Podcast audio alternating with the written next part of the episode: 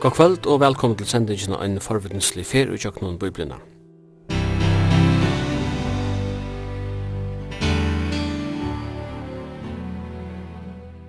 Henda sending er at høyre lintene hvert mykje kvöld klokka 19 og endersendt vi frugera 17 part klokka 15.30. Og i studion er Sumin Absalonsen, Jekvann Zachariasen og teknikar er Taur Arne Samuelsen. Vi er i dag kommet fram til 17. part av oppenberingsbøkene. Og i fyrre sendingen om hessa bøk områder vi tar fyrste trutje kapitlaner. Og i hesson kapitlen er høvesevne Kristus og samkomnar. Kapitlene fra 4 til vi 22 områder kommande hendingar, og tæffera vi koma nær inn av hese sending. Til ønsken løgna er at åbenberingin hever tolka imskan hatt, og hetta hever ørskimla mengan lesaran. Til dømes spyrja vi okkon mengan tar vi lese bøkina. Skal broti skiljas bokstavliga, eller er talan om myndatal? Ta stjøtner falla nira himli, er talan om fysisk himmeligam, eller er talan om en andalega mynd? Ta vi lese om hinne bei vittnene, er til at ta talan om tvær personar, eller ombåtar en skär av kristnum vittnum. Spurningane kunne vera mennesker. Ein ørgrunna av myndun og i oppenberingsene er å finne i gamla testament. Til dømes vi lauene, eller Mosebøkonon, og i Daniels bøk, til profeten Zakarias og så framvis. Tan gamla testamentli tøytningren av hese mynden hjelper okkona skilja kvui åpenberingen nøyder myndina. Sommer granskarar hadla til eina myndaliga tulltsing og ærer til eina meira bøkstavliga tulltsing av bøkjene. Ta vi hugsa om hvordan åpenberingin er oppbyggt, møter vi atter imiskon oppfattan. Som er granskare med at tilboren i åpenberingin løysa eina kronologiska gongt, og men er tås om eina sånnemda rekapitulerande tulking, det vil si at som tilboren er vera lustre av men fra øren sjønarvinklum. Men kristin folk heva til allar tøyer funnet selja trøst og jeg lyser bråd og hese bøk, hevast tåra haldarfællane bøkene hever i Amarska. Særlig at jeg taimun og jeg har vært fri atsøknum, fyrir sinna trygg, hever oppenberingen vært særlig kær. Og eitt som er avgjerande neiut til lesaren er hava fyrir eia, ta bøgjen veri lisen, er høves evni i bøgjen. Båskabren er einfaldur. Det er Kristi sier av öllund fudgjenda, og tan sier fyrir a vera kjønnlir ui i tøymelige heimenon, ans og ui tui andalega heimenon. Sint, ønskaper, satan og dæmoner er verilige krefter, men tei hava sinne av tøy, og i jøkne rempingar og trångtur som heimeren og mannaten omgandi avur hava seg megan til, fyr Kristus at tega rujtju i framtøyne, og lamsen sier veri kjønnligir fyr allare mannatene. Og jeg kan seinast tåsa vid om, ta fyrsta trutja kapitlaner, og nu kom vi inn i fjörda kapittel. Og man kan ha sånn å si at, at det er en helt nøyt mynd som kommer fram her i fjörda kapittel, jeg tror at Johannes får bo om at komme opp. Ja, det er akkurat som om at det er nøyt for hendan nå i oppenberingene, og vi kunne komme atter til uh, likla verset i oppenberingene som er uh, kapittel 1 og vers 9, og her, her skriver Johannes, og han skriver om det som Jesus byr han skriva til samkommunar. Og han sier, skriva til det som du sost, bæg det som er, og det som henda skal heretter. Og vi tar så senast om at såleis kunne vi byta oppenberingsene opp i, i trutjar høves parstar. For det første så er det det som du sost, og det er sjånen som Johannes sa av Kristus i første kapitlet og han fettler som deg til gjerder, da han ser eh, Jesus opprystnan og dårda gjørdan, og Jesus legger hendene av han og sier at han ikke. Og så, så sier Jesus, skriva eh, eisne til som er, og til sier bare til, at, her sier han til, til tjei samkomner som omtaler er i, i kapitel 2 og 3.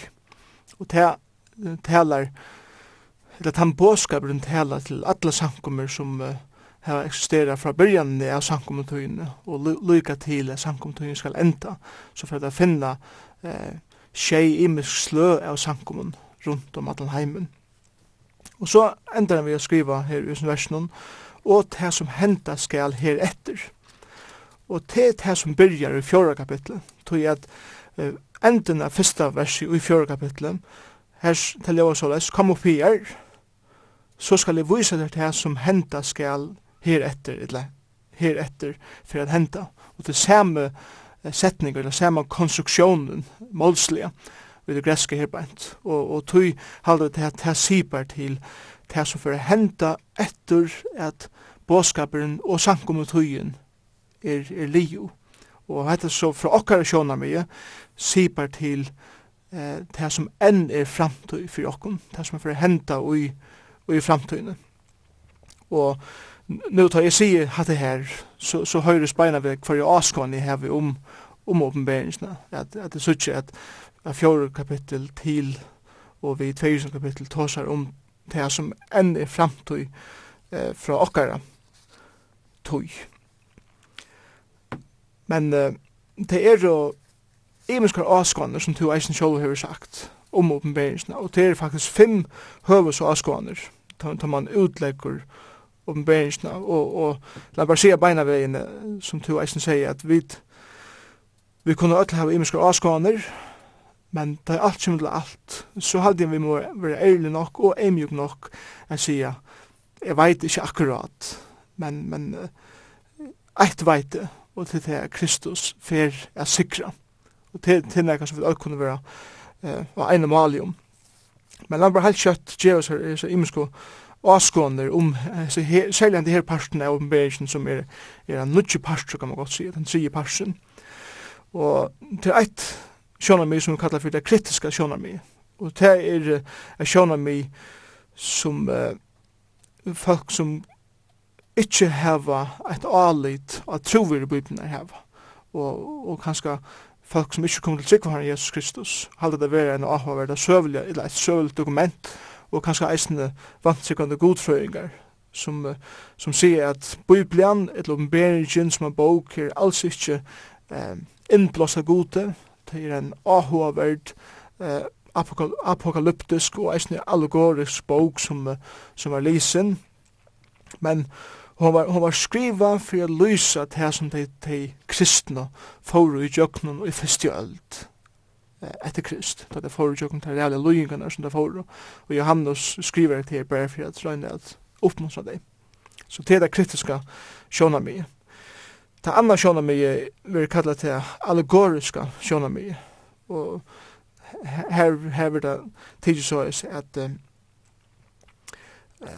det som vil sagt, detaljerna som uh, omtalar vera, skulle ikke tegast bokstavligt, men meira myndalige eller obokstavligt. Og han som innførte hesa tolkningene eh, i høvesheiden var eh, kyrkjefæren Augustin.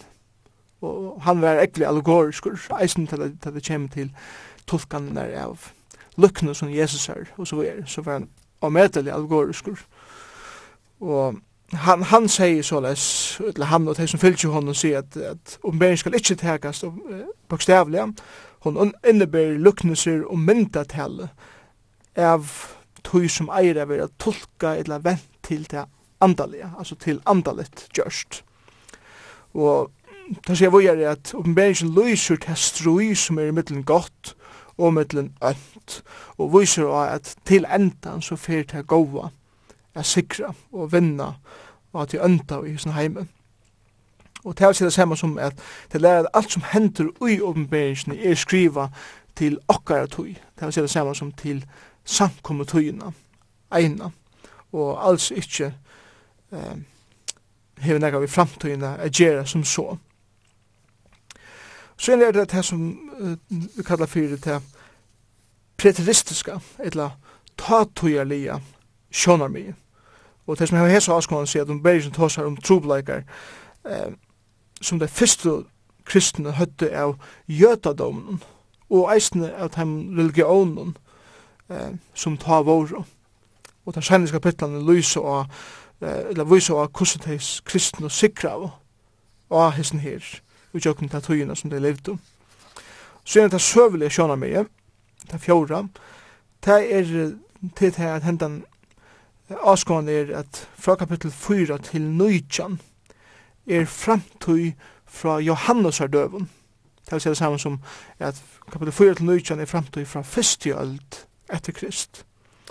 Og så det sier at her, at det som hender fra kapitel 4 til og vi kapitel 19 er ein myndalig åpenbering av kyrkjusøv, eller samkommesøv, eller sjálf, kanskje sjálf heimsøve, at det som hefur gengið fyrir seg fra til dømes fyrste til 20. øld um, er a finna i kapittel 4 til kapittel 19 og i oppenberingsene. Og sen er det femte avskåanen, uh, og til er eisne min egna avskåan, og til er den framtøyerlige uh, avskåanen. Og den, den framtøyerlige avskåanen sier at fra kapittel 4 til nøytjan talar om framtøyna, og er kanskje en særlig ugreinan av halvfjersen vikene som Daniel ser i Daniels bok, som Daniel profetur ser. Og henda tøyen omtalar til rævlig trångtena som fyrir å koma i venta heim, ta i herren hever tidsi samkommen heim til søgn i himle, så gjerne kommer domer gods i henda heim og eisne i jøtanar.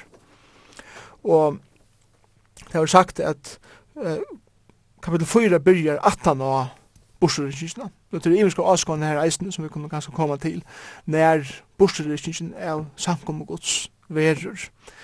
Men uh, den vanlige avskående er at at samkommer tidsin bursur åren hins domane kommer i gjørna. Og så gjerne fra kapitel 4 til 19 ukrenna alt her rævlige som får hente i sin heime ta i den store trångten og ta i antikrist fra ro i sin heime. Og så gjerne kapitel 20 til 22 omtala bæge tusenarrykje, ta i kristuska roa i tusen år her gjør, og så den evige tilstanden, ta i nudgjur himmel, og nudgjur skal være skapt, og öll gudsfolk vera tidsin inn i den evige bostein, og det som er avnokta, herre Jesus som sin frelsere, vera kasta ut i eldsjepen som, som Bibelen eisne kallar det. Så det er akkurat de fem sjånarbyen, eller til fem utleggingarna av oppenberingsene.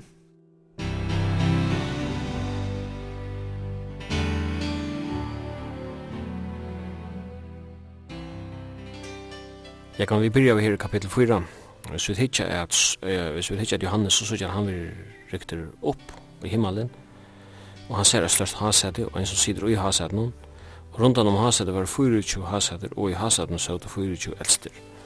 Her har vi et langt de første myndene, 24 eldster. Hva er det? der? Ja, langt her standa det vi er sin spurningsnum. Hvordan skal det utleggjast? Og Einar for enn må si at til imenskar avskoner om bare som til dem satt her. Og, og tog er mitt fyrsta svær. Jeg veit ikke. Og for, for jeg svær helt ærlig. Men lukka så har vi sånn minner avskåner om det, og jeg har gjort minner hoksaner om det. Men vi vet at kurser her at Johannes i fjörra kapitlet vil tidsen opp til himmels, og han, han ser nega som, som god åpenberar fyrir honom. Og vi må eisne, vi må prøva eisne ta vi, ta vi tåsa om oppenberingsna. Jeg ser dere inn i situasjoner som Johannes sjolvor er i. Han lever her i fyrste öld, etter Krist, og han er sjående sænegv, han kjenner gamlensmentet vel, og han er fylst ved Jesus, og til sjåarene. Han er notisjon i himmelen, og han ser nekka som han er eie ångan til å se av og han fer oppenberingar som, som han ångan til å se. Så spurningen, hvordan fer han at lyse det her i en måle som vanlig menneske kunne sutja? Vi gjør noen, hvordan kan han eh, løysa det som er goddomlet, og, og, og som det som er tja gode, og som er oppenbera fra gode, hvordan kan han løysa det for avmarska og mennesker, han hissa myndatalene opp, og, og han røyner at løysa det som man ser i en, i en som kan skiljast. Korsene, så, så, så hettelig er i vil ta veien, at vi eier teka skriftene bokstavlige. Og jeg hadde en god med i regler er, eh, tek eina heilt einfalda, beint fram, eh, vanliga eller amyndliga tolkan av skriften, utan til ekvile god grund fyrir ikkje gjerat. Så, så til dømes, ta i tølver er nevnt, og ta i, ta i imiske, imiske lysinga vera gjør der av menneskjone, eller av dyrun, eller av hendungun, og så videre. Så regner man tega til her så, så bøkstavet som møvlet. Men, men tar så Bibelen tåsar om at trøyene klappar saman hendur og, og forskjellige sårnega, så, så er det myndatale. Så, så det er en kombinasjon av myndatale og eisne myndatale som allikevel hever omkring bøkstavelian tuttning atanfor myndatalene. Og, og så er som man kan komme til oppenberingsna. Ta koma til det 24 eldste, så, så vet vi for det første at fra gamle sementet så har vi et eh, konseptet eldstar som, som, som er å finna i, i Israel, der som stjøtna av til religiøse systemene i Israel og så videre. Så er spørningen 24 og hva er til herfra. Vi vet at vi har 12 atter eh, i Israel. Er det så 12 atter eh, ombåer her, mittel der eldste, Og vi, så, så er det andre som sier, ja, men vi har jo eisne tølv lærersvenner i nødgjende som ent. Så er det eh, hva skal man kalla det, eh, leiarar, andalig leiarar, eller store godsmenn, bægi fra gamla testamentet og fra nudja testamentet, til å si det samme som eh, ein, ein ombudsmæver, eller leiare fyrir 12-18 år i, i Israel, og så kvarger at han 12, eller ein av dem 12 lærersvannen. Trobladisen til han 12 lærersvannen er han at ein sveik, og drep seg sjálvan, Judas Iskariot, og vi vet at sjálvan det at ein var valdur i stegin, og så videre. Um, kan, kan det være det her som det ombår? Og Sverige her, det kan være, men Sverige reisende, det kan reisende ikke være. og, og en annen spørning er, kan, kan det være, og en, en utlendsik er reisende, hette ombår 24 leirar fra samkommetøyene er ein tolkan. Så det er det samme som at 24 av, av godsmannen som har vært eh, frammeddel som god har brukt jøkken samkomme og kyrkjetøyene eh, representerer her samkommene framfor eh, Asjon gods og hasade gods og hverjur teir 24 personer vera veit sjående ønsken og les ankra bok som eina fyrir gjør det seg rett en sånn meten av hva det kunde være, og anker kyrkjefeter var nevnter, og Luther var nevnter, og, og akkurat høy var en mer som Billy Graham nevnter, og sånn eka. Og min uh, vimersin til slukt er uh, at det er fin spekulasjon, men vi må ikke gjøre det til noe mer enn det. Vi kan ikke dogmatisk sette oss nye og si at hatt er hettar og hattar. Men min tolkan er at hette er 24 personer, som, som er tætje for å være fyra personer. Og han, han brukar året eldstar eh, av samme håll som han brukar det æresender til å være vanlige personer. Hver er erur, hver er erur, veit jeg ikke, hver er kommer fra, veit jeg ikke, men jeg veit kursier at det omtaler eh, 24 personer som og en eller annan, annan hatt heva en oppgave som elstar, til å si samme som at her er ombudsmenn eh, fyrir et eller annet framfor asjan gods. Vi leser i Gamla Testamentet om at det var røsne 24 prestaskifte i Israel. Og papi Johannes Leibar, var, han omboi jo et skifte Abia, som det kallast, da han fikk åpenbering sånn at Johannes Daibar skulle være føtter. Så her, her gosser en eller annen uh, parallell som møvlig kan gjøre det å syre det her. Men hvis vi fyrir vi er så man kan säga att det här är värre än. Tog, nu sitter vi där rundt om hans at det är fyra verer som är fotlar av ejon för samman och för attan. Man kan si at det er troligt att tolka ta fyrir ju elst, det kan skapa det verre för halt fyrir det fyra verer Ja. Til till till ingen evi om att ta komma till det förra världen så så är att en en myndatala bruk som hvis vi sitter og sitter og gnir og regner tegna det, så, så er det høpeslest og, og tøy, tøy må vi koma til hette her og sya eh, hessa fyra verinar representera til han eka som Johannes røyner at løysa fyrir okkon og jeg halde at det er kanskje en einfald løysing eller tolking av oss her er til at hessa fyra verinar av ein eller annan hatt representera imisk slø av enklum som er framme fyrir Asjon Guds, som hever en tæna så framför jag som god så han lyser det här första veran var var lyk leivo och och till till akkurat som att att här verur tan, tan vettle Joraheimerin og hetta styrkjen som leivan hever representera. Annor vera var lyk ungt herve, og, og her hever vi Tesla og Joraheimer som, som meir er har vi landbruk og, og meir sånne djur som man brukar til, til leka. Og det er ta det ombor her, og, og det er ombor kanskje mer at han, han stidla og, og frishema djuraheimen. Tria veren her anlig som menneska. Og her er en representasjon av hva menneska er.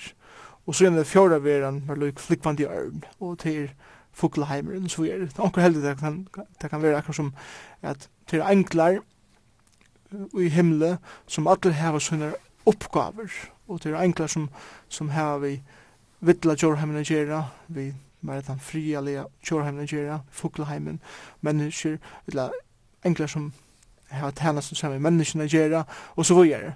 Anker, anker heldur kan se til. Sjálf vil de heldig at, at heter enklar som representerer et eller annet og som heva kvursnar oppgaver framfor asjon gods. Men høvus oppgavan tja ta med fyra verden og tja hesten her flottjen av enklon er halde jeg ikkje så, så nek som onker heldur at at onker hever aber fyrir joraheimen og funklaheimen og menneskeheimen og så videre men heldur at tar oppgave er simpelthen a vera framme fyrir asjon gods det og natt eh, representerande om det er så alt skaparverks gods det kan være. men det er høvus endamal og høvus oppgave er at tilbyr herran. Han, sier vi er, kvarst i det eller nått, djeva der peda sier, heilavur, heilavur, heilavur, er herren god, hin i han, som vær, som er, og som kjemur. Så her er høvesoppgaven til, til de fyra verden, er tilby herran. Og tar der sier her, trutja for heilavur, heilavur, heilavur. Og onker heldre kanskje til å representere alle truja entene. Heilavur er god feiren, heilavur er god soneren, heilavur er god heilig anden og, og så løs vi øll trøyenden tilbyen. Det kan det eisen være. Hesar verina her som uh, sier heilaver, heilaver, ta leie tankana jo kom beina til sjøvna som Isaiah sa i kapitel 6, serafaner. Ja, det er angen evig om det, og som vi leisen søtte i senast sending fyrir parsi åpenberingsene, det er at vi kommer omgang til å skilje åpenberingsene til fullnar, og vi ikke hava en grunnleggjende vitan om gamla sement. Og, og ta du leser dette her ørende, åttende ørende, i fjore kapittel i oppenberingsene, så som du sier, så var akkurat tankar beina vi leiter atter til Isaiah 6. Og jeg tykker Johannes har beina vi vite akkurat hva det er som han nu ser. Og tog er det anker som eisne heldur er, kanska er det tar som som tilbyr her beint.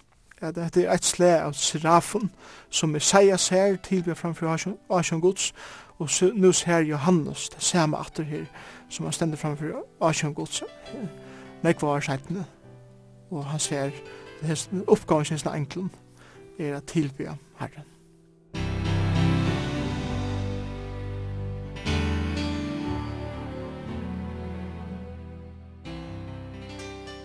Da vi kommer til 5. kapittel, så begynner han å ta oss om bøkrotlene. Og hon er ekla sentral i 5. kapitlet. Vi leser om at, uh, at Johannes han græt sørlige. Tog det var andre som var funnet verre til å lete opp bøkrotlene, eller hitje ui seg bøkrotlene. Så det er et eller annet, hva skal man si, mystisk vi seg bøkrotlene.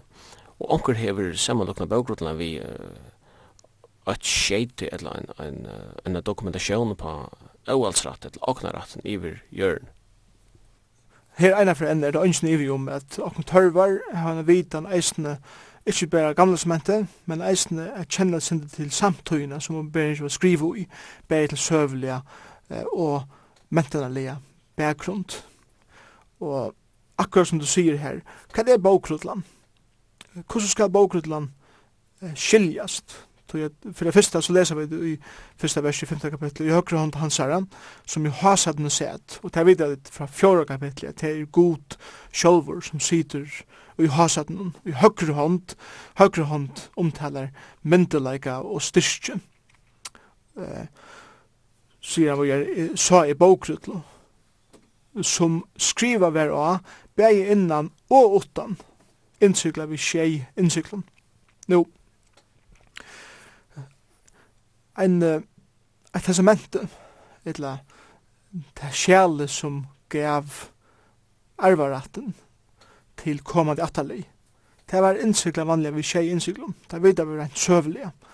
Og til dømes om ein keisare, eller om ein konkur, yngste at føra rujtjus seg vujare, og alt det som han åttu var skriva nyer i etter testamenten, så var det, så var det innsykla, vi tjei innsyklum hver stempel kongsins eller keisarens var, var trusnir ui, og det var så givet til henda sonen tjai som kongen som skulle føra rujtje vujar. Så langt her har vi myndina som Johannes brukar her. Så det som vi vita her er det at god stender her vi öllum myndeleika yfir öllum heiminum, yfir öllum skapaversjonen sinni hånd. Og han har innsikla det til at djeva yfir til sonsin, at djeva hon fulla myndeleika yfir, yfir öllum. Så det er myndi som han brukar her beint det som bryter fra til vanlige kulturelle viten i er til at hever skriva bæg innan og utan. Vanlig så det ikke skriva nega utan nå. Men det er akkurat som at Johannes sier her bænt at det kan tekas på tvær måter at det var så negv a djeva at, at det var ikke plass for bare skriva innan men det var eisen skriva utan. en annen avskåan om at her er eisen at at det som, det som god djever sånne synen, er nekka som, det som er skriver innan, er nekka som bare han kan åpna, og ønsken veit nekka om enn Jesus sjolver, og det som er skriver utan, er det som menneskene kan få luttna smakke av, som det sutja, disse imenske oppenberingarna. Men vi vet hvordan er det, at det som 5. kapittel lærer okkon, det er det at God hever alla myndelagur sin i hånd, Og spurningen er, hvordan skal jeg gjøre den til? Og ønsken er funnet. og ønsken er verdur at leta opp bókrullen, eller teka under hånden av hånden som i hasaden sitter. Og da Johannes ser etter her, og han, han, han bøyer etter, hver er nu verdur er færa fram til hasad her, og, og få henne myndelagan. Ønsken kommer, og han græter, og hette han græter i vånløse, det som han nu ser fram til, at er god er han som hever alt sin i hånd, og Jesus Kristus er han som eh, hever alle myndelag, så græter han. Men ein av hinn eldste sier vi med, så her sier vi er oppgavene tja ein av de 24 eldste som vi tar som Johanne, og, og akkur sleg av båbera som er fyrir til Johannes og sier hans i år, grat ikkje, leivan av at juda, rådskott Davids, hever sikra, og kan lete upp bókrutluna og hinn tjei innsykle hennara. Så langt her brukar at myndet hellig av gamle sment. Leivan av at juta. Og her vet vi at det er kongaten. Og vi vet eisne at leivan tar seg om ta myndeleikan som, som Kristus heie. Rådsko Davids, så her sykja vi at han kommer fra av at Davids. Eh, hever sikra og kan leta upp bokrutlene. Så fyrir Johannes og hitja, ta sa i mitt mittel hasade, og hinnar fyra verinar, og hinnar fyra tjo eldstu, lampsanta. Så det er akkar som at, at det sentrala i hese sjånen som Johannes ser, er sjånen det hasat. Men rundan om hasat, eller nærmast hasat, her, her gonger okkur fyrir, og her er verene som tilby herran, og her er det fyrir jo eldst, og om det så er det fra gamle sementet, og nødt eh, det vet jeg så ikke, men det er det kurser her, og mitt ui hessen her er et lamp. Og så ser han at eins og dripe, og det som er avhøverst her, det er til at hessen eldste sier vi en leivan av at juta, hever sikra, det er for jeg tenker bokrutla.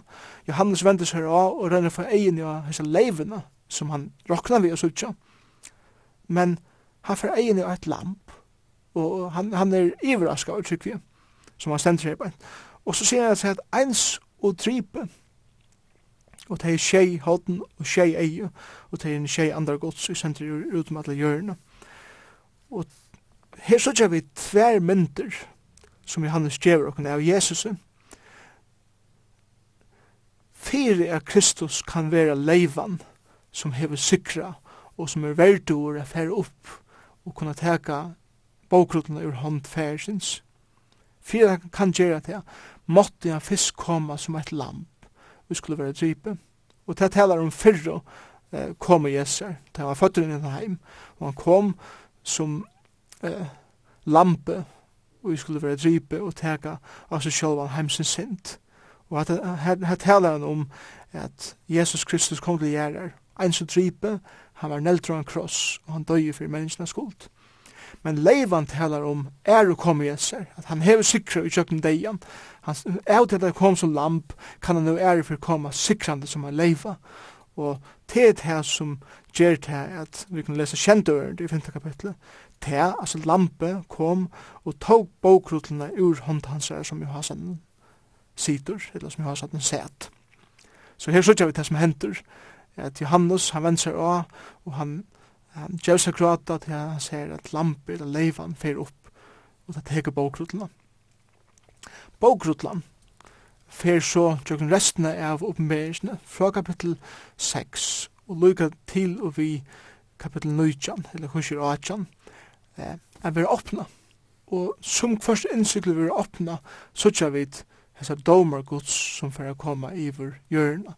Og i tjøkkene om bergene fyrir å sutja henne kontrasten iver ta det som gonger fyrir seg i og ta underfotla som gonger fyrir seg i himmelen. Og jeg kan godt eh, vust og så det hjelper å lese om bergene at vi tar hessa scenene som Johannes her var er han oppe i himmelen, glømmes nu i fjorda og femte kapitlet, er Johannes tisen opp til himmels. Men så knapplega, så, så fer han akkur som han kommer ned i hjørnet atter, og lyser fyrir okkur gong fyrir seg hjørnet, så knapplega så er han atter opp i himmelen, og han lyser okkur hva han ser opp i himmelen, så det er akkur som han fer seg atter fram og lyser fyrir okkur hva det er som gong fyrir seg. Så, la la meg bare fer helt kjøtt i jøgnen til å vise, og hva gong fyrir seg hjørnet, og hva gong fyrir seg himmelen kapitel 4 er hitt himmelska hasad, hver han vil se god sitt i hasaden om, ser verinar, der fyrir sju eldstå, og tilbjørnene som gonger fyrir seg her. Kapitel 5 er enn i himmelen, og det er lampe som nu kjemur i hasadet, og teka bokrutlene, og, og öll botjes nyur, og tilbya lampe, og hette er mynd som, som som verir i framtiden i himmelen, ta i sankum og skvar i tidsin heim, og ta fyrir vera en evig tilbjörn i himmelen og femte kapittel i Beringsni er underfull kapittel, tar vi eh, ikke få nekka video om hva det er som bøyer, eller bøyer samkommende, eh, tar vi kommer til himmels. Men i satte kapittel kom vi nere til hjørna, og de seks første innsiklene i bokrotten vil jeg lete opp. Sommerleis i kjenda kapitlet fra vers 1 til 8, så tja vid hinar 144.000 innsikla og tænarnar som skulle tæna Kristus og i trångtartøyene eh, av hjørne, som i halte vera 144.000 jøtar, jøtiske evangelister som skulle fære ut og evangelisere og i trångtartøyene. Men så knappt jeg i, i kjenda kapitlet fra vers 9 til 16 ser Johannes en veldig stor skæra framfor has, hasade gods. Og her er det attetisen inn i himmelen, hver jeg ser henne veldig skæra. Og Og somleis eh, i kapitel 8 fra vers 1 til 5 er det som er kallet for fire reisingarnar til lusanar som nu skulle blasas, som atter er domar i vi hjørna. Og så ifra fra vers 6 i kapitel 8 til vers 21 i kapitel 9 vera seks tar fyrste luraner blåster og domane koma iver hjørna kjøkken luraner. Men så i kapitel 10 i 10 12 så lød det innskott Og det er den lytla bokrutlan som Johannes fer fra enkelen, og han vil begynne med etama, og fyrst er en eh, smakkar som sødre honegur, men syn er en bæsk og, og i myan av honom. Det er så, det er så oppi himmelig atur, kapitel 12. Så knapplig i kapitel 11 var det tidsi nyra til hjørna, og her eh, fra vers 1 til 14 ser Johannes' bæg vittnene som er i Jerusalem, og her var en båskap, Men så fra, fra, fra vers 15 til 19 i etter kapittel knapplega så var det tidsen til himmels atter, og bøyene var given om himmelen om at blåsa hin kjenta luren.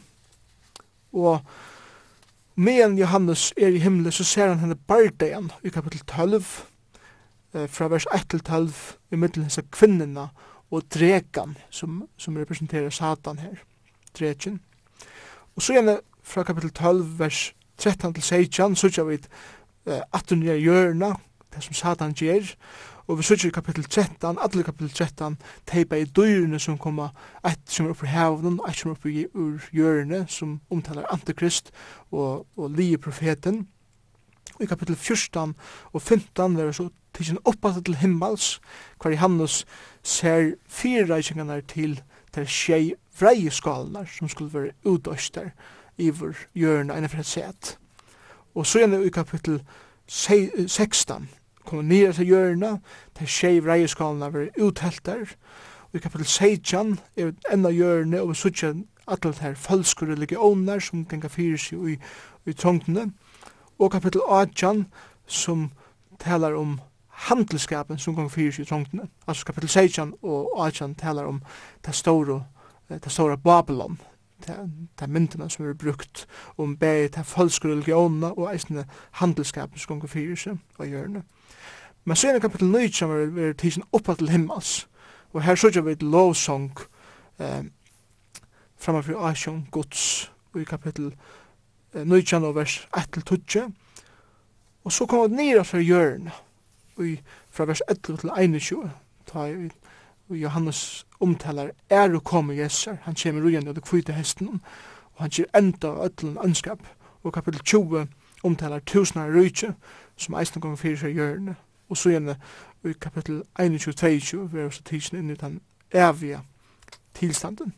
Så hadde godt å heva at her i hoa, at man leser oppenberingsna, hver gong fyrir seg hjørne, hver gong fyrir seg himmelen, så alt ikke bare blir av avkreter, og hadde hjelper okken at jeg fyrir seg og beringsna, og suttja sindar høp jo i tusen vi lesa. Hvis vi vender atter til bøkrotlene, jeg kan, som vi var inne på i 5. kapitlet, eh, til er, som nevnt, ratteren til heimen, som Kristus hever, og han har kjept han, og han har betalt. Det stender her at, um, at han kjepte vi blåsyn, gode mennesker av ødlund, atton, tungomalen, falkon og falkansløven, det stender vers 9. Det vil si at vi sier i oppenberingen er at uh, til Kristus mynden av det her, det kunne veksle mellom Kristus og, Jesus Kristus og dørdene og Kristus og sin og Ja, det, det er helt sikkert, og, og det må omgang i sunderskilles helt, lying av Kristus her, og, og dørd Kristus her, og, og Filippbrau 2 er, et, er en god mynd på det, hver, hver Paulus lyser for oss, hvordan Kristus er mot til seg og han eimer så sjåan lukka nyer i deian, så legger han til at kross deian. Men så kommer vi beina ved fylkjane tøy, men tøy hever god lyttan høgt til tjuvne navnet som er ödel navnet nir, for at navnet Jesus er kvars knæ skal bodja seg, og kvør tunga skal jotta Jesus Kristus herre gode, fæger til durt. Så her sørger vi at løyingar Jesus er, og durt Jesus er, saman vautar, eller saman tengtar, og det samme er herbeint. Kristus hever ratten til heimen, han hever ratten til bokrutena, tog at han kom som lampe, som, som får ut av krossen, og han kjøpte vi blåve, sin egna blåve, menneske, og han, han kjøpte ødel menneske, han, han sier her på en, ødelen tungumalen, falkon og falkaslån. Så hetta viser okken at dei Jesus er var ikke bare for nokkur fa mennesk. Dei Jesus er var ikke eh, fyrir berre nokkur helt fa menneske, deg Jesus er universaler, han er for öll menneske, og, men la meg ikke ta, ta at seg at, at korsene må da være etterforsk menneske som kommer til Jesus, og fer fyrsing for sinne sint, for at deg Jesus kan bjerga dem fra en for fortapelse.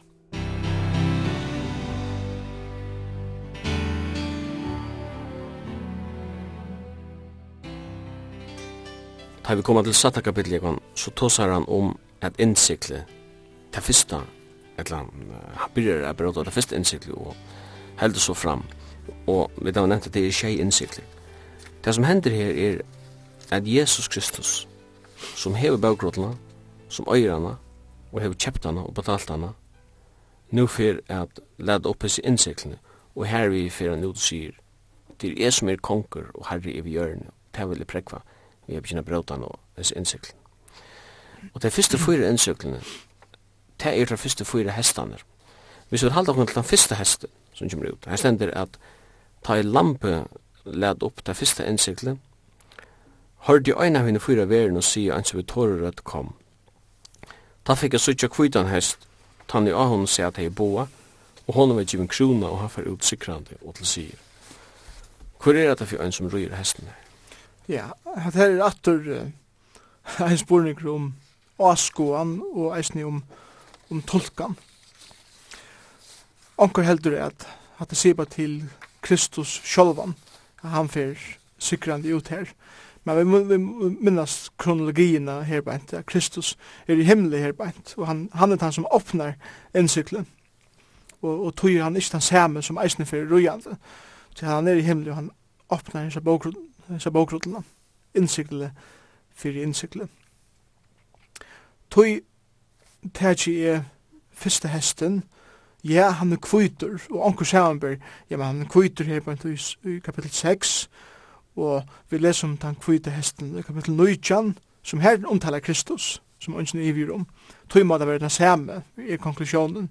Hva er vel sagt nei, ja, hesten er kvitur, og han omtaler, kvitt omtaler sier og så videre, men korsen er det ikke samme hester eller samme reimaver vi tog som her bænt. Og, og han kommer her ved en boa. Uh, la bare lesa det. Fikk sutja kvitt en hest, han som honom sier at hever boa. Vi honom, altså vi boa honom, eh, fyrir han ut sikrande og til syrs. Og vi lesa eisen at honom var given krona. Ein krona.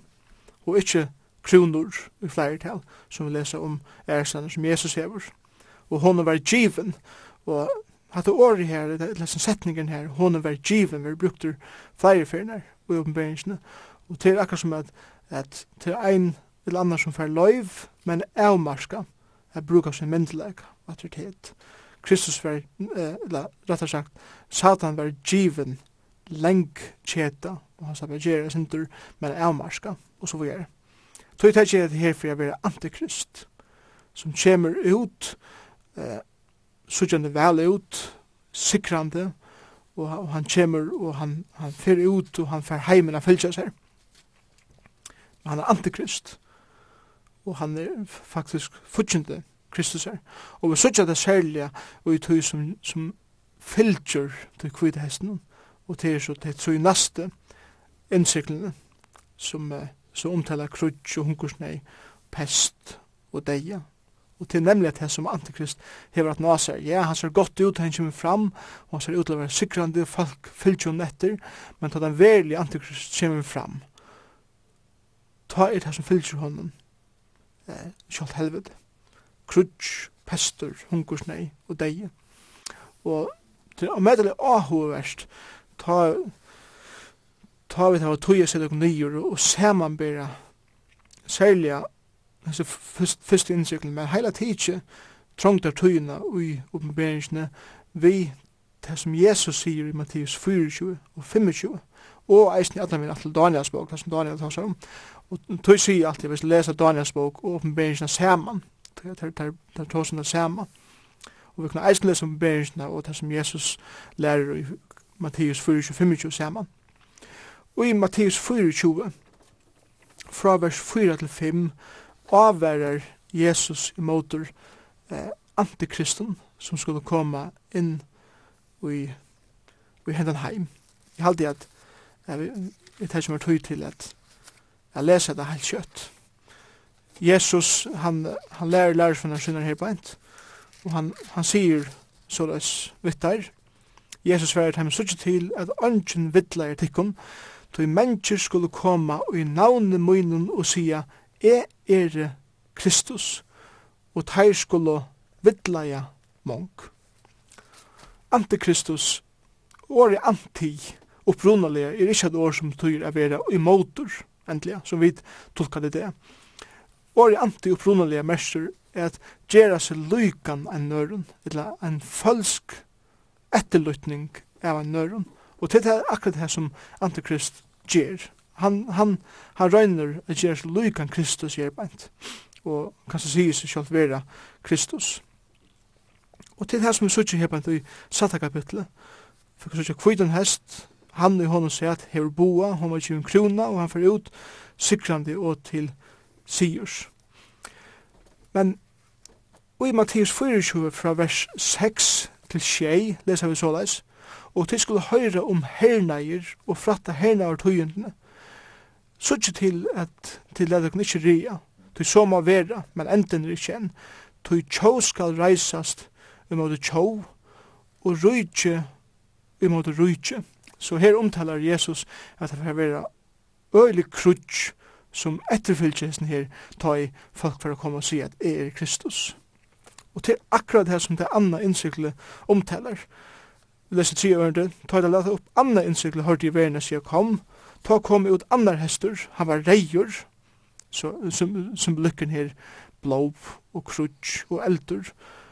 Eh, honom i honom sier at vær givet at hekka fri en bors og hjørne, så det skulle drepa hvers anna. Og, og, og størst svør vær givet honom. Så hette omtalar krutsch og deia.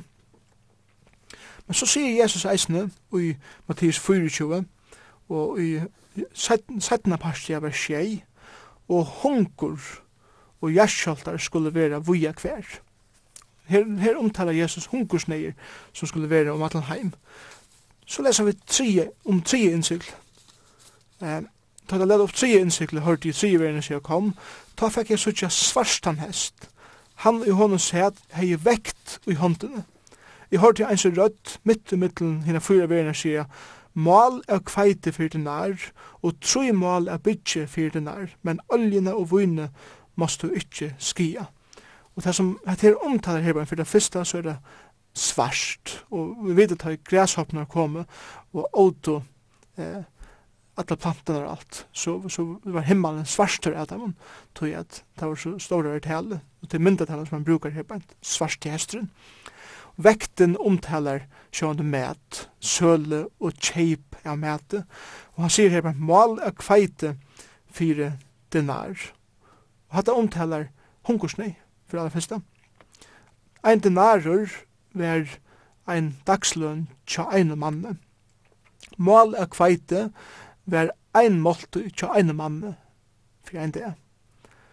Det er samme som at Ein med og forbære hava rå at kjeipa seg sjålen eina måltid om dagen, og han får ikke hava rå at forsyrkja sin familie, og så er, og sinne bøttene, og tru mål er bytje fyrir nær, og, og bygg og jesar døven var svinaføy, ta meter som du, som du gav svinen, og her først du trutja måltider, det som menneske vanlig etta, trutja måltider om dagen, det først du kunne få fyrir den nær, men det er svina føy, og du bare kan se det.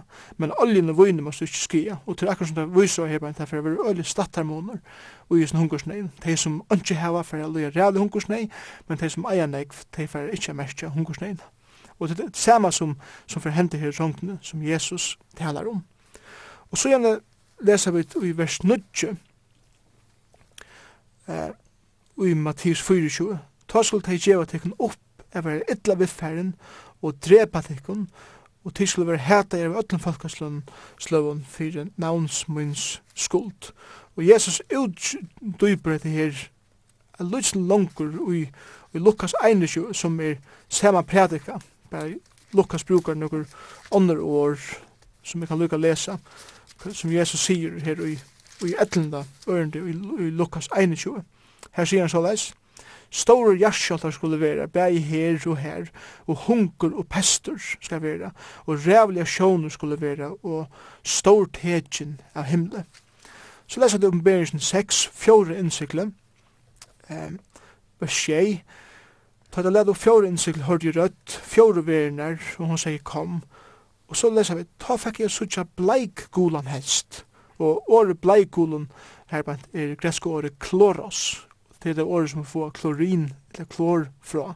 Og vi vet at klor, det, det, eh, teker alle lid bostor, og bleikolt eller året kloros var eisen brukt om et luik, den literen som et luik hever, til det ligger. Han i hånden sier at navn hans er vært deien, og deierrujtje var i fylgje vi i hånden. Taimen var givet valgt i fjorungen av hjørne, at drepa vi svøre, hungre, peste og vildtøyren, gjerrinnar. Så her sørger vi ser at det er akkurat det samsfære vi det som Jesus sier og vi det som Johannes ser hente her bant. Så, så det som vi sørger her bant er ta i innsikten vi er byrje av å åpna i så er det rævlige domar som kommer iver hentan heim og iver hei som heva avnokta Jesus Kristus som sin frelser og til det som framtiden bor og det første fyra er bare byrjanen. Det er bare verskina som Jesus tåsar om. Og ta velja føringen ikke fyrir fram enn, og ta i lurene vera blåster, og vreie skalene vera utheltar, ta i domene vera heilt, heilt rævlig og grusommer.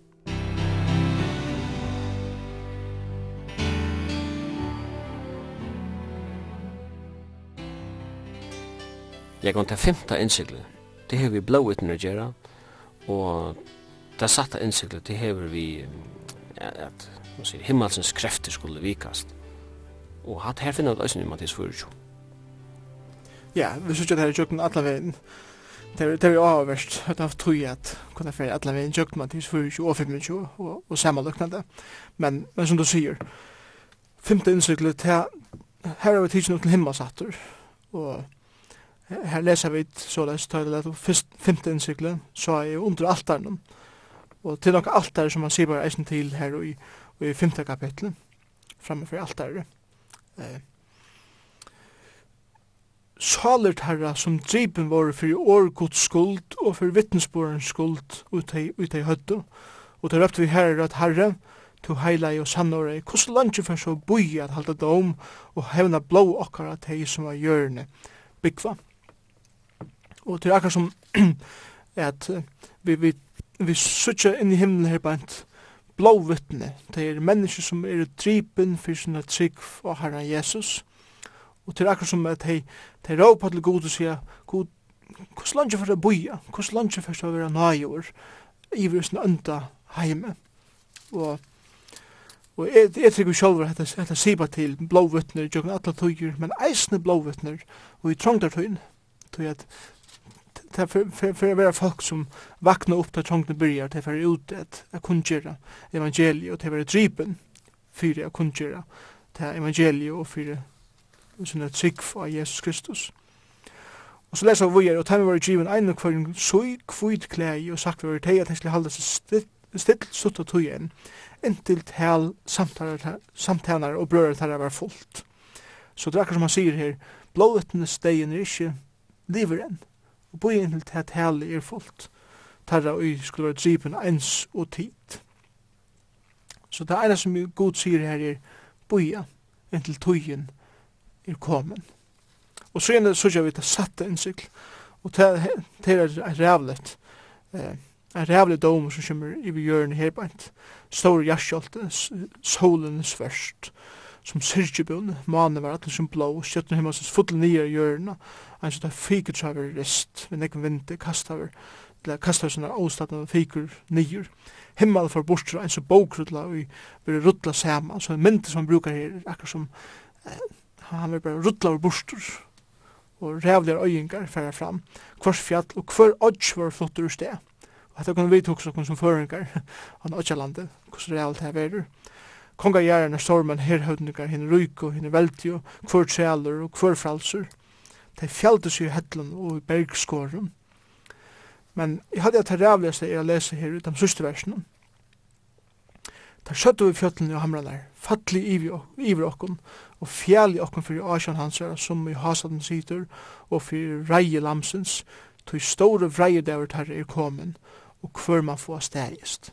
Det er akkur som at menneskjan fyrir jokken så rævleik, sånne rævleikar her på at de innskja deian, og de, de bia fjöllene eh, fattler man i. Men det mest alvorlige er til det at de vita kvui domuren er kommet. Og, og jeg pleier å si at det var andre ateister i tungtene. Vi leser her beint, Fattelig i okkun og fjall i okkun fyrir Asjon Hansara, som i høysatt sider, og fyrir Vreie Lamsens. De vite er god til, de vite er Kristus er, og dæveren kjemur, ta i Vreie god skal være uthelt. Og de sier eist, nu er Vreie dæveren kommen, og hver man får stegist. Og de vite at de kunne standa eh, og gøyma seg fyrir rævlig Vreie gods. Og, og til akkurat som at Sjølt om menneskjan veit at de stande i åpert til sin skapare. Og sjølt om menneskjan veit at ein dag så sier god hertil og ikkje langkur. Så utsida menneskje det, og de vil ikkje venda vi, og de sier boja og boja inntil dagen det er og seint. Og ta skulle ikkje kunna flutja undan asjan gods, og de vet at de er undervrei gods og underdomme gods. Og det er akkurat det som vi leser her om i oppenbæringen.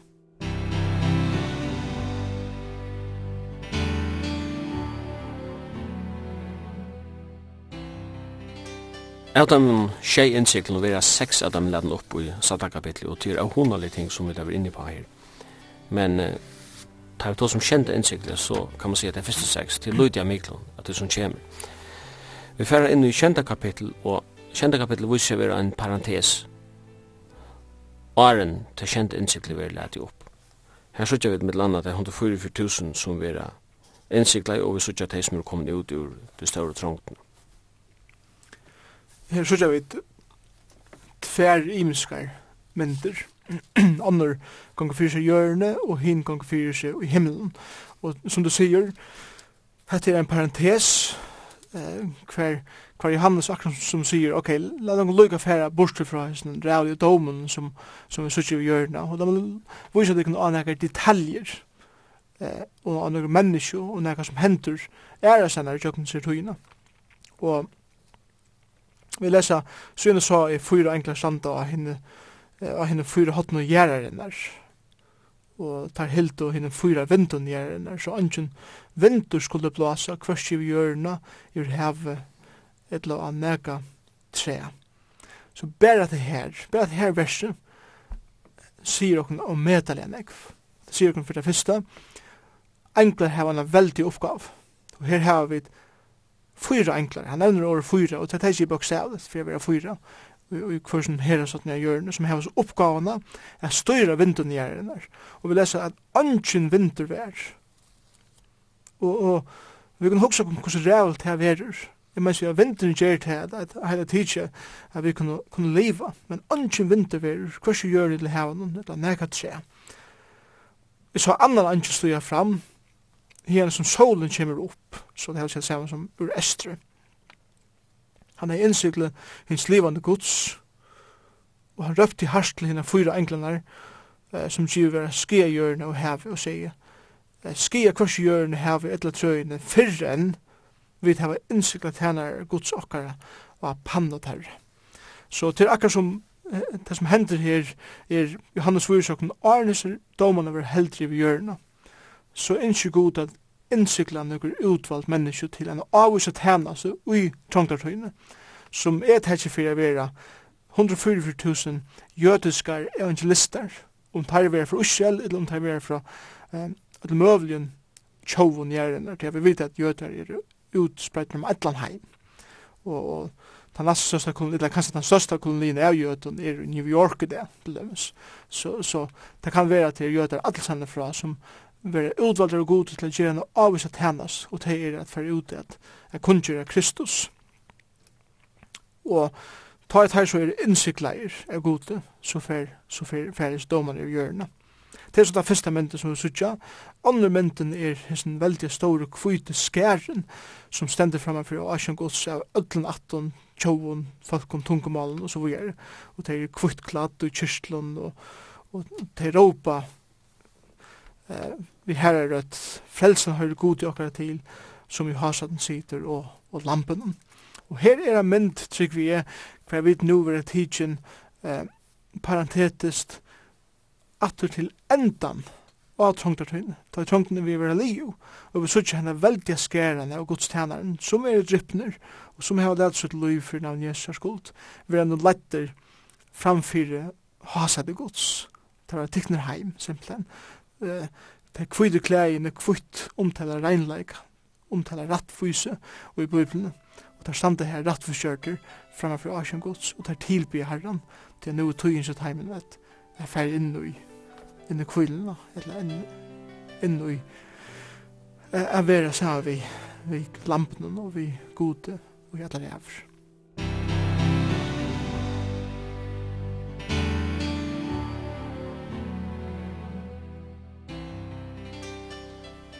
8. kapittel jeg kan ta kommer vi til det kjente innsiklet.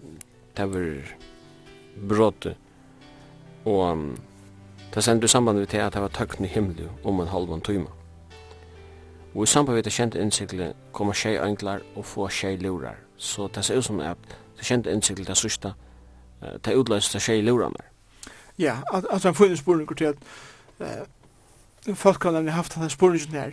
Uh, hvis det bare er tjei innsiklet, så er domarna enda langt her, men vi leser om nekvar era domar som luranar og som reier skalene, så, så tog, jeg hadde jeg nemlig som du sier her, at uh, det beste teka det kjente innsiklet, det innebyr tar tjei luranar. Og så gjerne kommer vi til den satta luren, og til den kjente luren blåstur, ta utløst til at tar tjei reier skalene.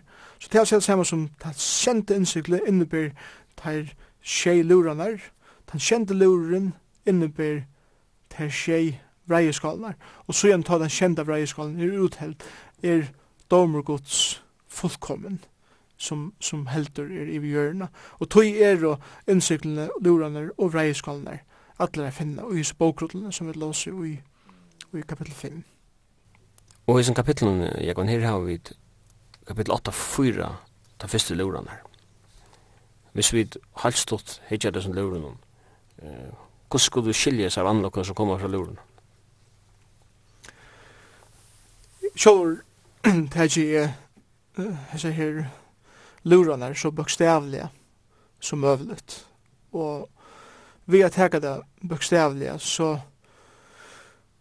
så vist det meg ena for en hvordan rævligt at det er og, og hvordan rævlig framtiden er ikke at heimen som avnokta Jesus Kristus som sin frelsere. Og i halde eisen tar vi tega det bøkstavlet, så djeva til okkon, eh, ta eier a gjev okkon eina av mødelig såra troan, er ferdig ut a fortelja menneskjon om Jesus Kristus, om hans nøye som er a finna i det, og eisen samtidig som til en avværing om at sleppa undan til reale dome som, som bojar, teimen som er nokta Kristus men ta ui den kjente luren, eller rett og sagt, den kjente innsiklet ved åpna, så, så, så kjør vi her at tjei lurar, eller tjei enklar stuja fram, eller tryna fram, og tar heva hver sin luvor i sin hånd, og som hese lurane vera blåster, så koma rævlige domar iver, iver hjørna. Og vi lesa i satte øren i 8. kapitlet, henne tjei englander, jeg høyde henne tjei luranar, gjørs nu til a blåsa ut her. Fyrst i angel blåst i lovur, ta kom heklingur og eldur, blanda vi blå, og det var kasta av hjørna. Og trying av hjørna brentes opp, trying av trøvene brentes opp, og alt grønt græs brentes opp. Så, så her er et eller annet sle av rævligen eld heklinge som, som ver øster nere himle, blanda vi blå. Um, spurningen er om, om, om ta blå er blanda og i tala seg nyer, eller om ta omtaler her den rævlige skian som hettelen skal gera ta ta ræka hjørna og, og menneske og dyr eh, vera rakt av det, og det vera øyla. Så han sier her bant at, at, at tryggen av hjørnet bremst opp, og trøvnen, og så videre. Så, så rævlige hendinger her bænt. Annar luren, eh, annar angel blåste lurer ta, vær ens og størst brennande fjall kasta i havet, og tryggen haven var blå. Tryggen av livande skapningen som i haven var døy, og tryggen av, av skipen og tjekk borster. Så at det her så er en, en, en katastrofe. Um, eins og størst brennande fjall kast i hevet. Hva er det til? Og han brukar kursi året eins og, det vil si samme som, det var ikke et bokstavlig fjall, men han brukar myndatalene eins og, så det var okkur som luktes av den brennande fjallet. Og onker heldur kanskje at heter okkur slag av meteorer som, som rega hjørna, og som gjer til at at det er en rævlig havsbildja som gjør at skipene vingar bostur, og det kemikalium som er sånn her åren innebærer, det giften som man, som man innebærer, gjør til at triingerne av ötlen livan i havnen døyr, og så videre. Det kan være at det er det. Men man kan her at, at saltvattnet vil rakt. Den tredje anken som blæser i luvor, ta, leser vi ta fatt nere himmel stor kjettna, som kanskje atter okkur slæ av eh, meteoren, det er brennande som kjentil. hon fattla trynjene av avun og vattkjeldna. så her leser vi om, om eh, feskvattnet, som nu blei bakst og blei giftet, og, og det voldur rævlian skia, og, og navnet av sjøtten er malorst, og trynjene av vattnet er malorst, og til, til gift. Og nekk folk døy av vattnet, til det var bakst. Så igjen kommer vi til fjóra luren, som uh, sier at tringra solen var aktor, tringra mana og tringra stjøtten, og at tringra at han var mysk, myskur. Det er mistet tringra som ljósi og somleis notten. Så her er det et, et myskur som kommer iver, iver hjørne.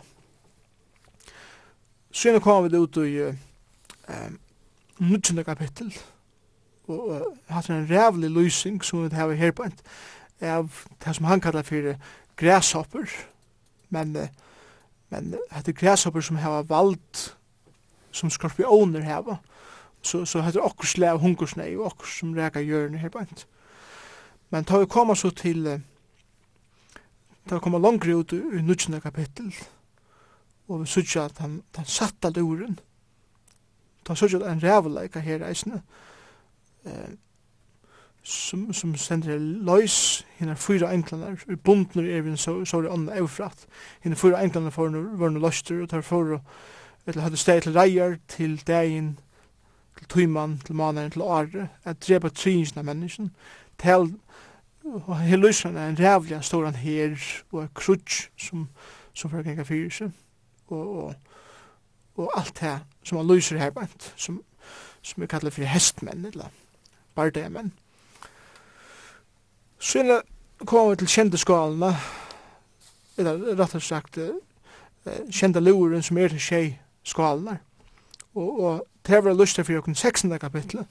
Og her er det svudler og til blåhev og, og uh, feksvattnet var til blå og til eldur og til myskor og til jasjolt og heklingur. Så rævlige hendingar som, som fer fram. Det er som også avverst, det er det at nekvar som plavene kunne samanluknas vi ter tutsi plavene som kom iver i Egyptaland. Ta i Moses, for at bjerga Ushersvelds i Egyptaland. Men hesar er jo nekvar omfattand, og ter reker ikke bare en luttland parst av heimen, ter er allheims omfattand, og ter reker öll mennesk og alle heimsparsar, alle senar, og og ikkje som katastrofer som det her det som bare reka imisk land, imisk folk og er egentlig eh, få steder, da man tåsar en allheims bylade. Men hetta verur alla steder. Og til det som måner nere av katastrofen er det, og tog rævlig som får henta ut trångtene, til rækar öll mennesk, ønsken, undantegjen. Og, og det som bojar mennesken som har avnakra Kristus, og alvorligheten iver freie gods, få den lyttan smakka av her i oppenberingsene, og, og det rei men virkelig. Og det eier å gjeva den som er sikkvende en, en, en edjan og en brennende langsel er færre ut og fortelle menneskene om Herre Jesus og avvære imot sin rævlige som bor i heimen som har avnåkt ham.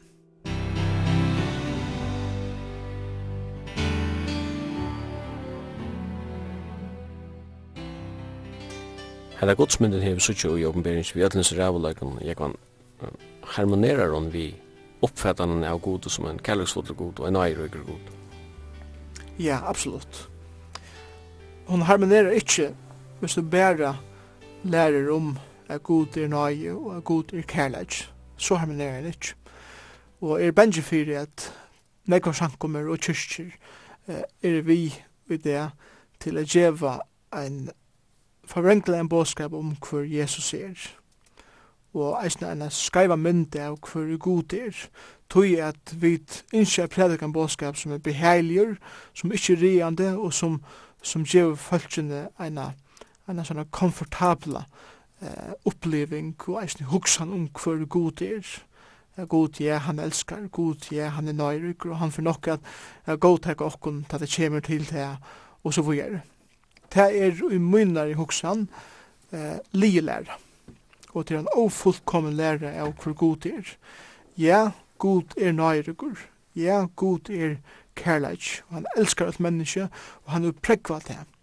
Og i tog at han sender sin egna son at dodja for menneskens synder, og han, han leser nekla og at seg, og han, og han døy her for at mennesker kan være bjerga fra dome gods. Og god fer ein det er døme den heim og hans er heilaleitje for eina for å sige her til og ikke langer. Og Guds rattvise for ein det å komme eh, til her som, det, som, som Gud har sagt at det skal være, og til det at alt de som ikke har livet opp til rattvise Guds, og til den standard som Gud har sett, skulle være dømt.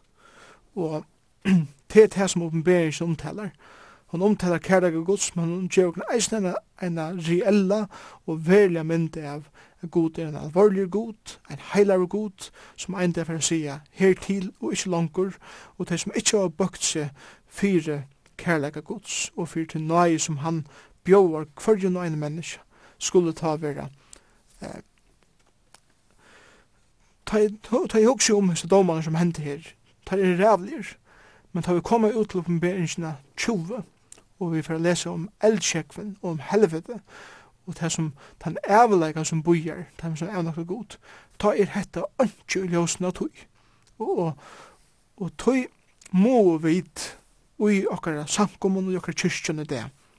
Kundgjera en båskap som viser av nøye gods, som viser av kærlega gods, men som eisende peikar av at om jeg venter kærlega og nøye gods spetje, så skal jeg smakka vreie gods og jeg skal være dømter av gode, og god skal rattvust bleka meg og et evet helvete bortsett fra Asjan hans her. Bibelen lærer at det er svart på kvitt, og vi må ikke innbattla en bådskap bare for å gjøre en beheilig for folk har lyst. Vi må prædika alt rakots, eisen det som er obeheiligt, og kjølt om det for å koste okken okkara popularitet, eller, eller til folk for å vende, okon, eller vende seg fra okkar samkommun og fra okkar bådskapet, så må vi prædik henne bådskapen til hette det som Bibelen lærer og hette heldar myndene av hver god er. Jeg kan vite hava flere parenteser i oppenberingen, og Arne tar kjente luren ljøver i kapitel 11, så leser vi et middelan om tvei vittner som kommer fram. Og det stender at det tar av vald i vettnen at omskapa deg til blå og det er også valgt at lette himmelen at det så ikke regn kjem. Og det minner meg om myndelagan som Elias og Moses høtt. Det er avhverst. Ta ut samanbæra Heseberg vittnen som, som vi leser her om i åpenbæringene. 11. Faktisk er det av medlene jeg avhverst i kapittel 11 som vi tyverr ikke har tog at jeg færre inn i. Men uh, for det første så, så var det tempelet nevnt at i kapittel 11, som, uh, som sier okken erfret seg at, at eller, det reiser kurs i spornisjen, fer tempelet er endreist i Jerusalem, og etter kapittel 11 oppenberingen døma, så er Sverige ja. Og til å si det samme som så må eh, moskéen som stender av, av tempelhetsjonen i Jerusalem, ut det være bortsebeint, som hun og i hva fyrir vera, om at det er gongri ut, og tempelet var endurreist. God, reiser her opp tvær menn vi er avvis her tænaste og og medelsar myndleika og som du sier eh, myndleika som kan samanbæres vi Moses og Elias da er ikke atter, gamle som hente, så, så vet jeg omgående hva hender vi lika med Moses her og vi vet til at Elias var tidsin heim til himmels og spurningen er heva Moses og Elias enn at hevna seg i fremtid atlan gods. Og, og sver som er er kanska, jeg veit ikke, eller er til tvær ære personer som har samme slæ av myndleika. Det kan så eisende diskuterast. Men vi sørger kurser her at her heva og medle stora myndleika. Vi vet eisende at her heva en avvisan båskap til folk som bor i Jerusalem. Og vi vet eisende hva det er som hender dem at her vera drypner og at folk i Jerusalem feirar til at hese på mennene som bærer båskan fra god til er deir og vi leser eisen i kapittel 11 og at at öll jörren fylgje vi som öll suttjall hese lysen lytje i Jerusalem og så vi og, og hese spurning bare fyrir nukk farun og arun sjan var ja men hvordan kan öll jörren fylgje vi tvær tvær mannen som lytja det i Jerusalem og at byen festar sånn ega. Og jeg halde at, at, at her er ungen spurninger for okkun og idé, Ta at hitja at eh, akkurat hui kan vi kunne sitja, hitja vi akkurat ekne stovun etter ta med krutsen som kan fyrir sig det, vi kunne sitja det live vi okkar ekne stovun, tog for tefer, ikkje for nekka trobla, ikke, tja at la gjør det, så eh, fjallmillaner som fyrir sig ta. Og vi sutja eisen her på at, at ta i halv fjord dag var gintjen, kom løyvs ante fra god til ut her at du tar reise føtter og store øtte fattel teg som stod ut her. Så god skal reise mennene opp at og skal teka der heim. Og vi sutja her at rævlig jarskjold skal hente i Jerusalem og tutsjenda parst er stedende fattel og 6000 mennesker det er løyv og jarskjold hans og er. Og vi sutja så om et tøl og, og noa greinlige lysingar av oss nimiska som hendur. Og, og tog er det jeg sier, at jeg hadde vist til å teka det bokstavle som vi kunne. Da det sier tjej tusen mennesker låter løyv, så er det tjeit hos mennesker som, som som låter løyv. Og da vi sutja her til litt av gøtun eh, stiarens her som tempel er, og selv man brukar myndatalene, Sotoma og Egyptaland, så vet vi at det er Jerusalem, men han brukar bare myndatalene om hva Jerusalem er blivet det blir som Sodoma, og det er som Egyptaland, som eisne er fudgjende gods. Så det er samme som staver gods, her som tempelet vil endreist, er allikevel i salen og nødvendig løyven som menneskjen, er steg hver menneskje venda gode, fullkomne bæts, og god skal døme kjolt bøyen eisne, her bænt og eisne her kapitlen. Så her sørger vi en ære mynd av at ja, god her en, en, en allhan vår iver hennan heim. Ja, Gud brukar 104.000 evangelister som han skal sende ut, men Gud brukar eisne tvær avvise personer til en avvise tjeneste og en avvise sted, og en avvise tøy her i Trondheim. Og det kjente loren, uh, vers 15, det er Kristus som teker ut. Ja, her kommer det kjente angelen fram, og, og her er det akkurat som eh, at det var en lysning for fram, og det hørtes himle himmelen, her er rødder, så at kongadømme hemsens er fattelig herre okkara, og hinn salva i hans herre, og i lot, og han skal være kongur, og i alder, og i atler, ever, og så ikke seg tilbjena som gong fyrs i himmelen og nu. Og det er en veldig avhåverd grammatisk konstruksjon som gonger fyrir i sin versen her bænt, som jeg kan bare lysa helst ut. Og, og det er det som, det som vi kallar vi fyrir eh, framtøyarlig tatøy. Det er det samme som han sier, kongadømme heimsins er fattelig herre okkara og henne salvea hans er lot, og han skal være kongur i atler, i alder og alder ever. Så han tar seg her og i ta tøy om neka som han lukka skal hente i framtøy. Det er det samme som at det vil tale og ta tøy tøy at det er så sikkert og det er så vust at det skal hente at det tale om det som om at det er langt og hent. Så at kjalt om Kristus skal eh, sida vi sitt vald og vi sitt kongadømme og i framtøy, så gjer han til langt nu. Tøy er til så, til så sikker at det er hendt i framtøyne.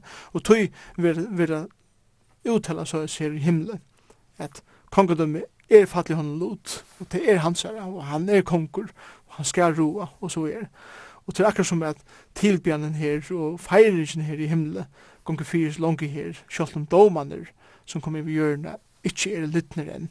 Til den sørste domene kommer nå i eh, 16. kapitlet, i vreieskalen, som, som er uthelt av vera. Og så skal Kristus komme og grunda seg rujtje her jeg gjør. Sørste vers til sier okken at tempel gods i himmelverden ledde opp, og sattmalers kansara kom til kjentar og i tempelet hansara. Sattmalen, sattmalers kjentar det minner okken beinavinn av gods pakt vi Israel, og Og i neste kapittel leser vi om at størst tegjen som til himne, kvinna kladde søvnene i mannen under føtten. Eh, er vi nu at vi at bevege oss inn av, hva skal man si, gods, at god byrjar handla vi sånne jøreska falskje at Ja, altså jeg halde rønns nøyvi om at god hever en, en atlan vi Israel, og, og ta, ta vidar vi deisne fra Daniels bok, og ta vi leser til her halvfjers, vikenar og i Daniels bok, så vet jeg vet at her er ein vike etter som god innskjøtt at utynna sitt arbeid, sitt versk og jøkken, så det utdanna folk som er i Israel. Og, og tog vil jeg sjálfur sige det, sjálft om jødene det er avnokta Jesus Kristus, så er god ikke livet han følt kjenn, og han er henne, en avvisa atlan vi teimen. Og, og tog sier ikke til at alle jøter får komme til himmels. Teimen tørva lygan ekv at få fyrirgjeving som alle andre mennesker, men god hever korsene enn atlan i jøknum sutt folk. Og vi, vi byrja sutja til spekli her. Vi sutja myndatalna, vi sutja tempel, vi sutja sottmala ørskina. Og det er avhverst, tempel gods i himmel, så, så har vi dokkurs lea tempel her i himmelen. Og saltmaløkken, jeg mener, hun, hun, hun ble borster ta i, ta i innrasen av, av Nebuchadnezzar, var gjørt i, i Jerusalem, var 546 krist, og vi har hørt ikke om saltmaløkken atter, at han har gømt, og Jeremias tog seg sin drommene hvordan han har gømt, og så videre, og, og nekvar spekulasjoner her, vi tjøkken alle øldner om hessa saltmaløkken og ikke vi rent om han, er tjokk nødvendig, for nu knapplega at en soppmannløsk blir nevnt i himmelen. Men jeg har lyst til angst når anker sier at kanskje være soppmannløsken ikke noe til himmels. Jeg hadde kanskje til fornegv, jeg sier det, jeg tror ikke at at en jørsk loter vil tidsen opp til himmels, det halde jeg ikke, men, men korsene så, så verir henne myndetallet av sattmannløsken brukt ui en himmelskum eh, forstand i bænt. Men da vi kommer til 12. kapittel, så sørger vi det, henne kvinne, hisse kvinnerne som kløtter solen og månen, og så gjør, hette ser dere beina ved, og tølv stjøttene, ser dere beina ved, i samband med dreimen som Josef heier om eh, Jakob og om brørene som skulle eh, bøtja seg fyr i hånden, og så gjør, kvinnan er ofta ta myndet han gamle som er brukt om Israel, og vi vet eisen at og onkur tulching er at kvinnan kanskje sibar til Marie sjálva som skulle få etter badne som, som verur uh, lust til jørenverset at hon kvinna var baden og røpte i, i barnsnei og i føringaversen. Og anna tegjen sast i himmel, stårer eldre i dretje, som er tjei høtt og tutsjeholten og høytnen, tjei kroner og så videre. Og, og han stender her klar å gløypa baden, til det er da det var født. Og kvinnan flutjar ut i øyemørsna, og her hever en sted som god til kjørsen til reier, og hun skal være her i tølven til trustier, og alt det her som er nevnt i kapitlen øyelig, detaljera, og teker langt sjå hun at er velja utleggja. Men, det er alt som til alt, så, så, så vidar vi at her er en bardeg i mittlen satan og i mittlen god, det vet jeg vi mynda ui en kvinne og en badne som, som ja, det kan være at Maria før Jesus, men det er en større tutning enn det. Og jeg held det sier ikke meir til at Messias kjemur fra Israel og jøgn Israels folk.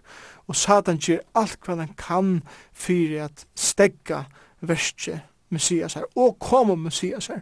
Og vi da ser at alle vi i gamla sementi, han rønti at utrota Ushas folk i jøknun, eh, nekvar imiska personer som Nebuchadnezzar, etla som Haman, etla, etla nekv onnur, og, og eisen middeldesementene, Antiochus den fjorda, og vi vi við eisne at ta Jesu føtter så rönt han bruker Herodos at gera av i alt røndjabøtnu i Bethlehem områden og så gjerne. Og her stender han, og han røyner ikke av vi Messias, eller vi Kristus. Han røyner av fora til versen som Kristus kjer eisen i framtiden. Ta i god for å byrja bruka Israel atter, og et syk ved Israels menn for å få egen i oppfyre atlan gods vi falskjen, og, og, og til for å akkurat skilja nødgjum hva det er som god kjer, og at kanskje for å få egen oppfyre hver Messias vi er, at det er Jesus Kristus, og nekker jøder for å komme til trygg og herre Jesus. Satan for å gjøre alt hva han kan for å stegge tog verset som god for å gjøre i kjøkken og Israel. Og, og til, til myndet han som han brukar her, han røyner gløype som patten som er født. Men vi leser at god teker seg av kvinnene, fører henne ut i øyemørsene og teker seg av henne her, ut i stedet som han fører henne ut i. Til å si det samme som i kjøkkentrångtene, så fer god av en eller annen hatt at halda sin hånd i sinne falskje, Sjalt om så rævlig trångtene vera, sjalt om satan fyrir røyne at stegga til versene som god gjer i kjøkken sin folk, så fer god at verva etter falskje. Ui, hessar, hetta tøyarmale, 1230 år som er 3,5 år som er den store trångten, hver god og en eller annen hatt for å verja sitt folk fra antikristi og satan og sjálfum fyrir at utinna sitt versk og jøgnum sitt folk.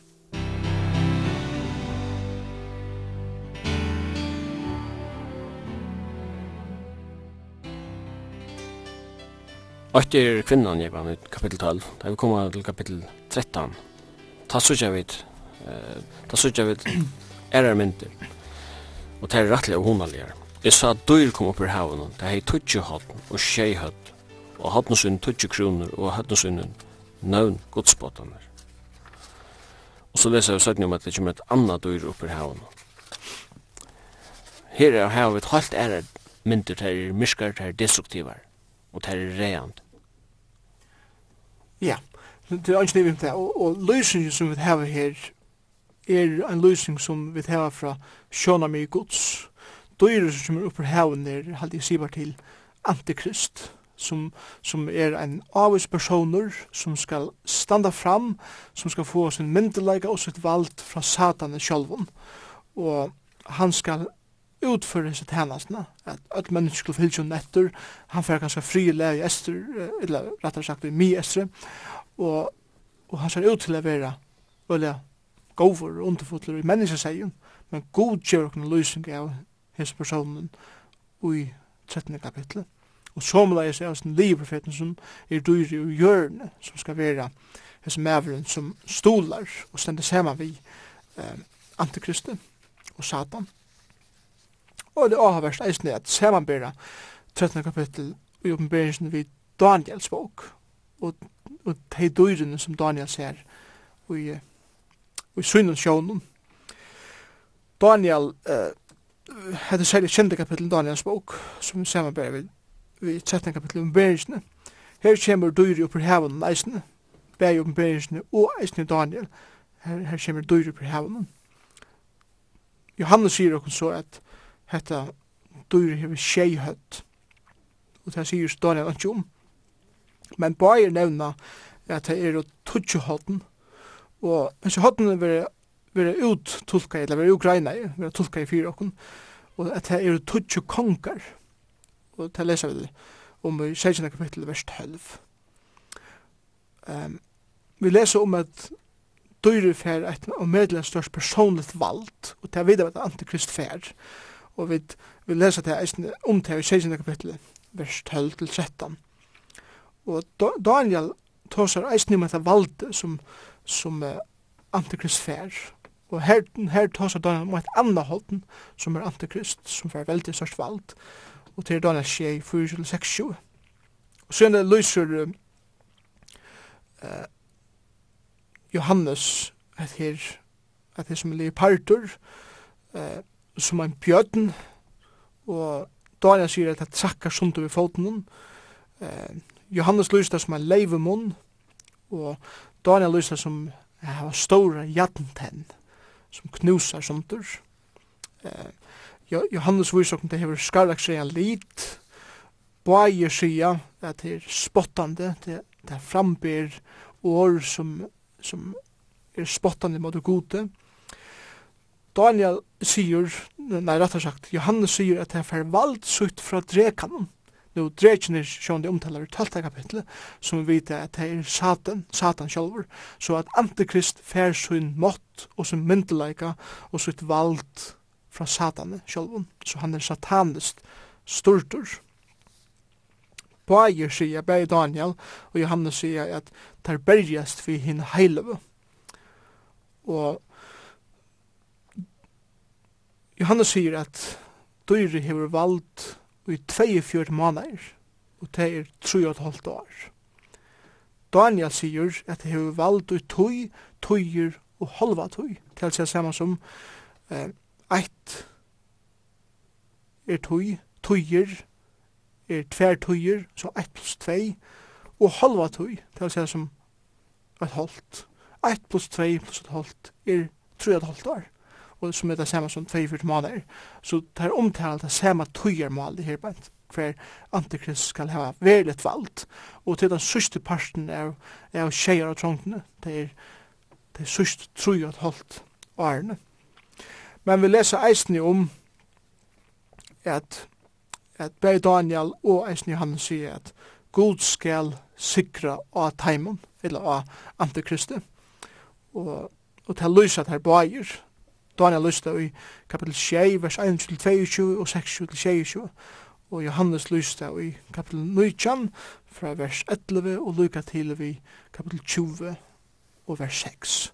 Så her sykja vi et uh, allar her, så her rævlig lysningarna av hvor antikristi er, og, og hvordan hessen bardagen er mittel satan og mittel god. Og eisne er som er øyne avhåverst, tar vi samanbæra at her året anti, som vi sier Jan, anti er ikke endelig av er motor i opprunaren tøtnisje, men heldur er gjerra seg lyka nokron, og røyne at etter epa, eller at lykast. Og vi leser sjående, vi vet om tru entina, det er god omlig tru entina, god feirin, god sonen, god heilig ante, men til eisne en en satanisk trojent, og det er satan, til antikrist og til liberfedren, som, som røyner at skapa en trojent eisne, og vi leser nek i omberingsene eh, er hos her åren anti, satan imotvis Kristus, eh, og ein eller annan hot til dømes, eh, Jesus Kristus, han var i tilbyen, og i omberingsene 5, tog at han er til verdur, Men antikrist, han krever eisne er vera tilbyen. Og lige profeten for å gjøre det her mennesket tilbya antikrist. Og ta lesa vi då i kapitel 13, vers 4. Vi vet eisne at antikrist skal roa i 24 måneder til 3,5 år. Og avhavverst til at vi vet eisne at Jesus tante av hjørne og i 3,5 år. Helai. Um, vi vet at Jesus Kristus skal styra at det er hjørne. Det vet vi fra oppenberingen 20. Og vi leser i oppenberingen 13 skje at Antikrist hever størst vald iver at det er hjørne, men gjerne avmarska er tog. Heilig anden leier mennesker til at tilbe Jesus Kristus og feiren, hver lije profeteren, leier folk til at tilbe Antikrist, og det leser vi om i 12. ørende, kapitel 13. Jesus Kristus er sjående pastor av trojentene, Antikristus er parstra til sataniske trojentene. Heile anden, Guds ande, gjer under, og han gjer under enn i det. Og da leser vi et nekka fra Apostlene 2 og 4, 4 fra 12 og nekka er.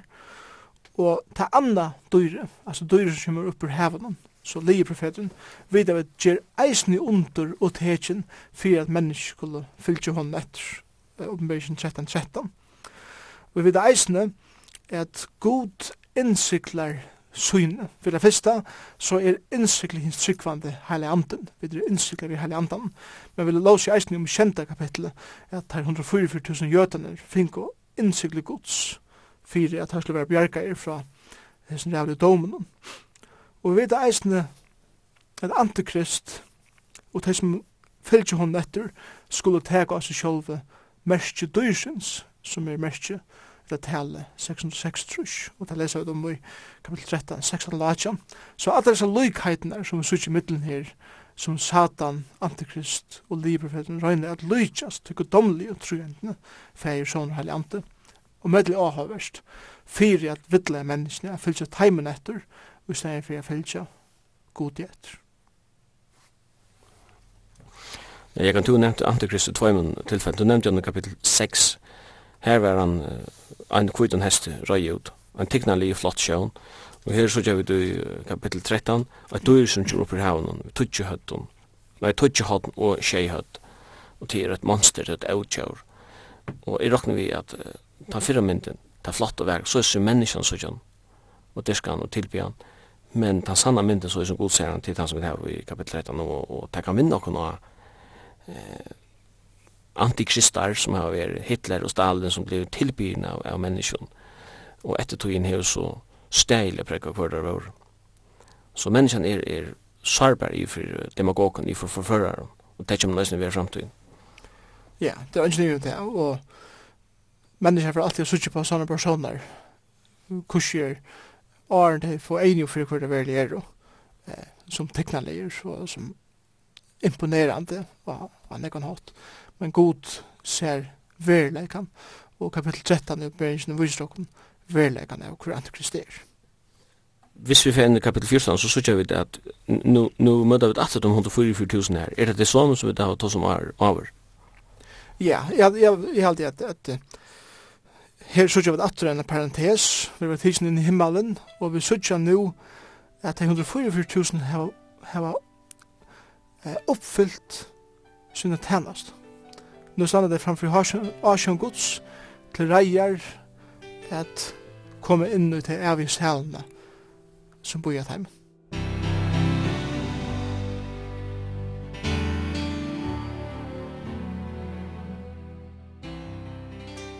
Jeg kan i kapitel 15, her sørger vi at vi tar en fire røyking til, til det sørste plavene som har vi der tjei vrøyeskalene er å gjøre. Og ter tjei vrøyeskalen er så allar beskriva her i kapittel 16.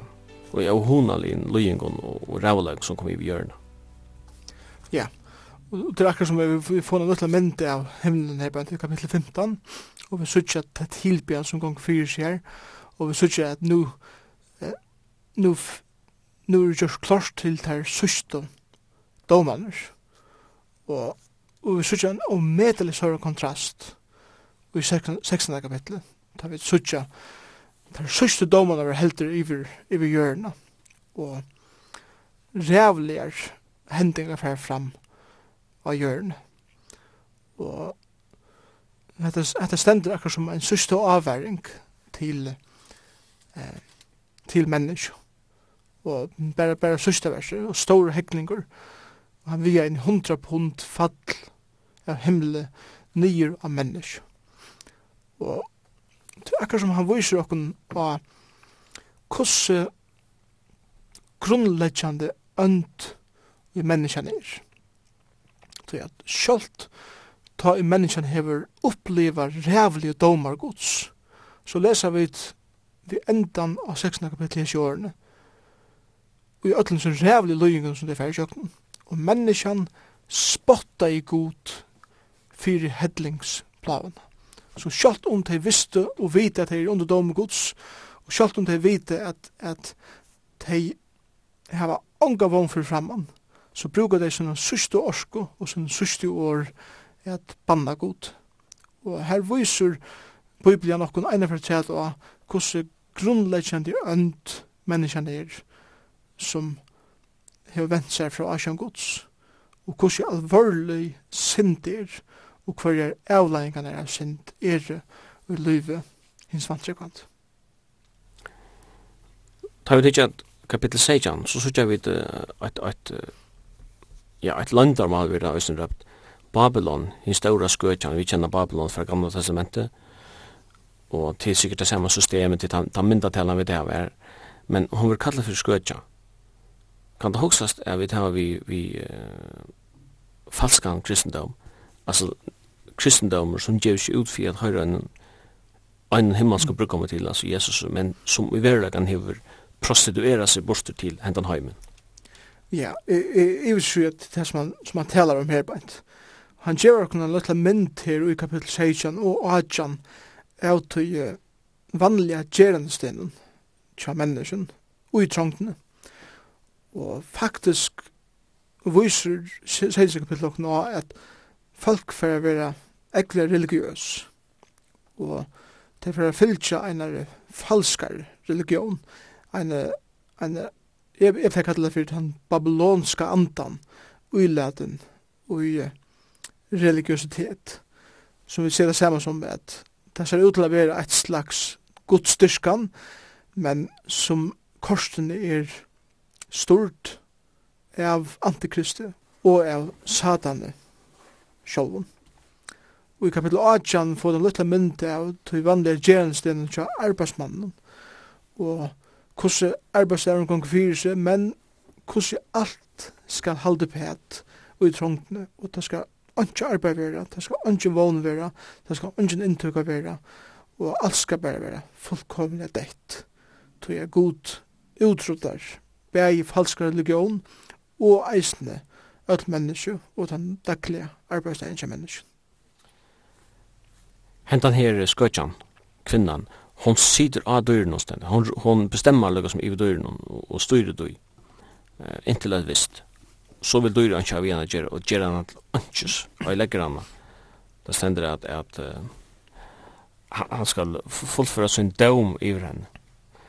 Hine tutsi hodnene du sast, og dyre, hese skulle heta skøtjene, gjøre henne ødna og nakna, eta kjøt henne og brenne han opp. Det ser ut som at Antikrist fyrir að leta religionene styra så langt som hun kan tjene hans systemet. Men det er hun tant for sitt brei, så gjør han langt så det er han som er god ansam all.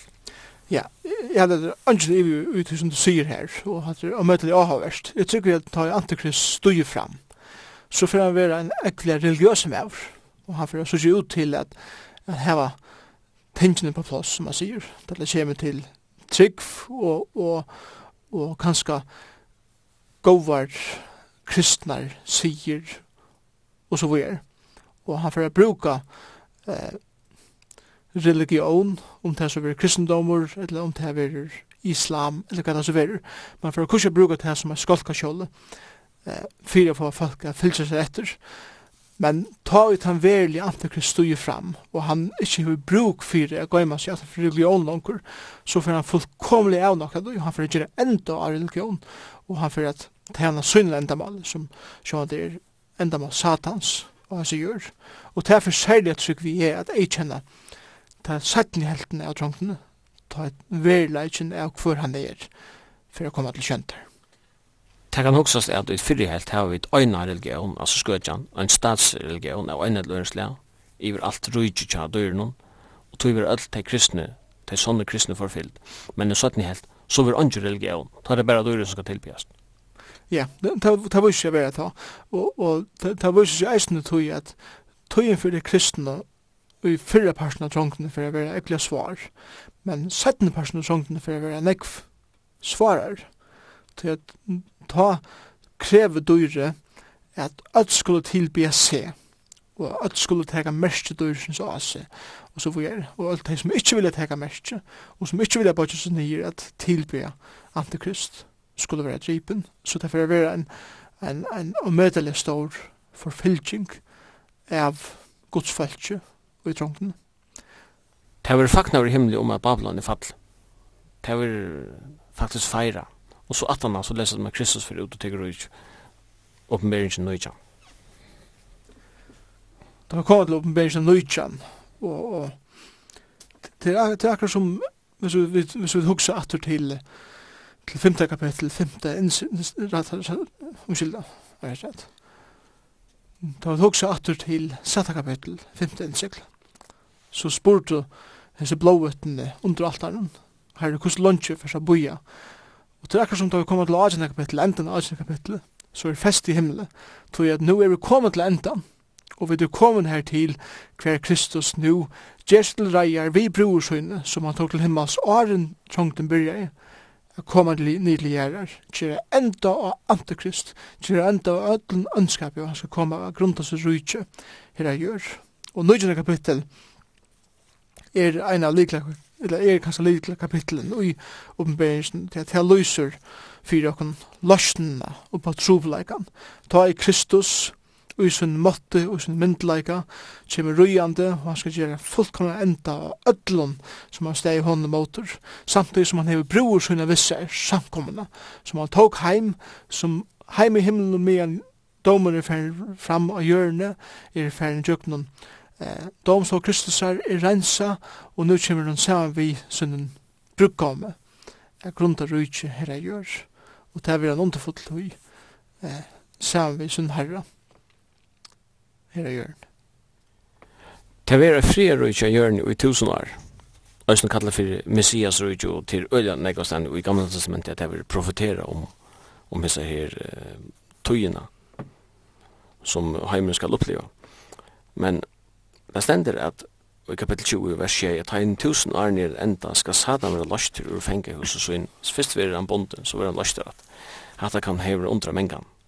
At uh, ta han endelig hever bonden, hvor i allar vuja så vi skal fyrir løysa natt. Ja, hatt han og møttelja ahoverdur og eisne grunnleggjande spurningur og hans kvui spurningur nær, kvui, kvui loivi gota snær. Tusen år eh, som, som byrjar ta Kristus kjem nere i hjørna, at grunda så rujtje og han kjer enda av ötlen åratvisen. Det er tøyen i middelen oppreist, det er og oppreist, det er åratvise som Bibelen tåsar om. Og til eisen tøyen ta i satan er bunden, og til byrjanen til det evige kongadom Kristus er eh, en tøy som eh, kan alle ønskapur være fullkomlige utrutta vår og det er en god tøy, og rattur skal være opphylden, og Kristus skal være av hjørne, og han skal, han skal roa. Men de mennesker som kommer inn i tusenarrykje ved Kristus er jo er sjående samkomman til de gamle sementer som var reist opp til å være ført inn i rykje og så er det eisen de som iverliva trångtene som fyllde Kristi etter.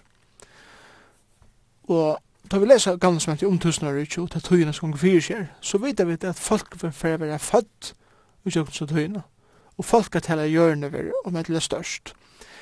Men tørveren av kunst evangeliet i tusen år ikke, selv om Kristus er her,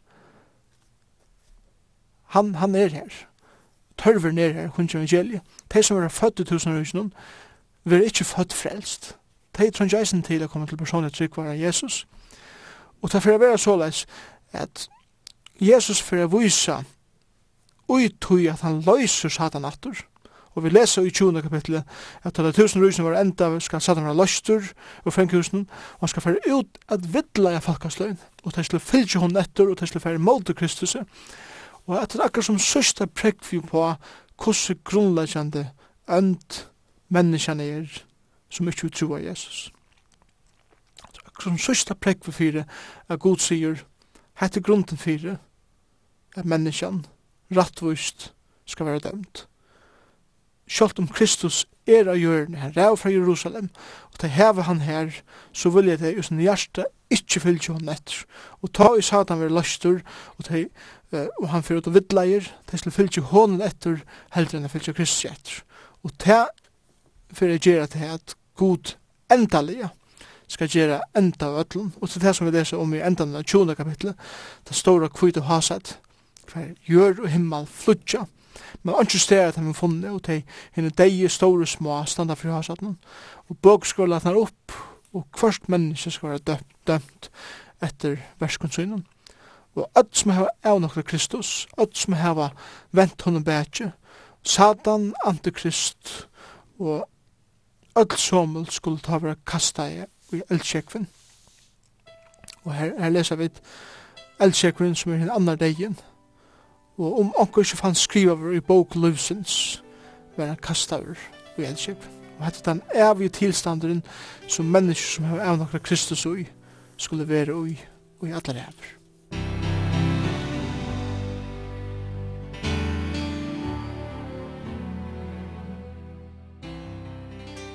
Jeg vant tvær til sørste kapitlene i oppenberingen, kapittel 21 og kapittel 22.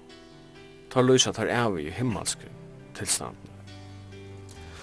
Ja, jeg spør kapitlene tar, tar djeva okkur akkar som hessa underfull vågna som er framman og som buja teimen som har sett seg lalit av Jesus Kristus og tar viser okkur eisne hva det er endalega som god fyrir gjerra og i hessen heimen og jeg kan bare nevne noen ting som for jeg ikke kjenner.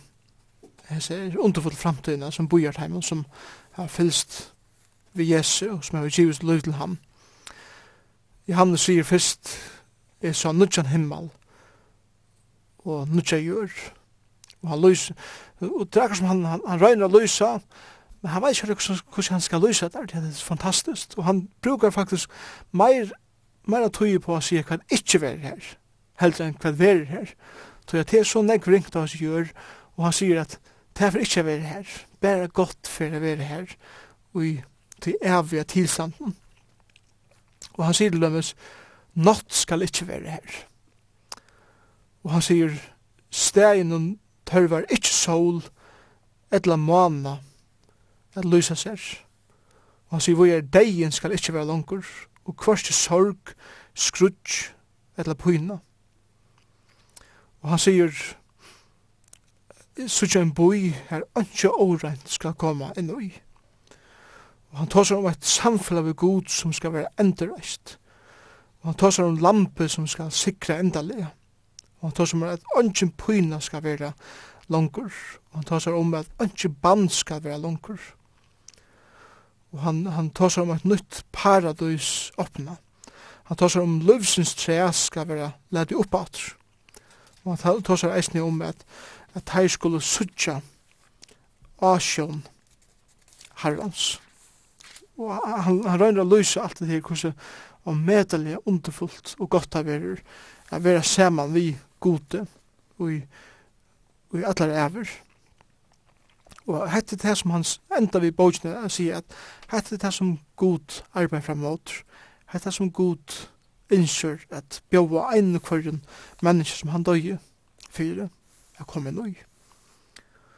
Og han, han endar akkur som vi er sia såleis um, han sier vi med du skal ikkje innsikla profetoren hisa bok du tøyene nær han er gjer årat halde afram er gjer årat hinn årat vise dolce se enn som avur og hinn rattvise halde afram er gjer rattvise og hin heila er veri heilavur enn som avur.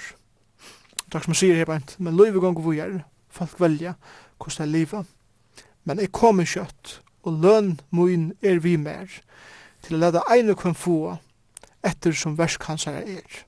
Er i alfa og omega, hin fyrste og en sørste, oppheve og enden. Sel er tei som tvo av klæg søyne, så de kunne få egang til sjælløsens, og om porsene ganger inn i stegen. Jeg, Jesus, hef sendt angel moin a vittna hetta fyrir tikkun om samkommunar.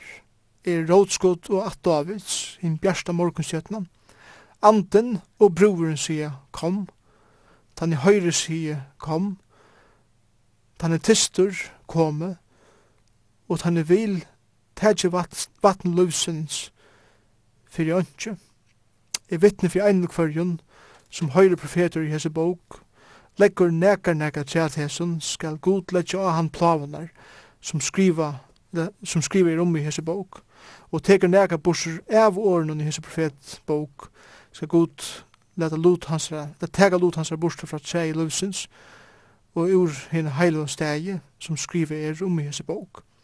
Han er vittnar hetta sier, ja, jeg kommer kjøtt, amen, amen, Kom, Herre Jesus, nøy Herrens, Jesus er veri vi, ætlum.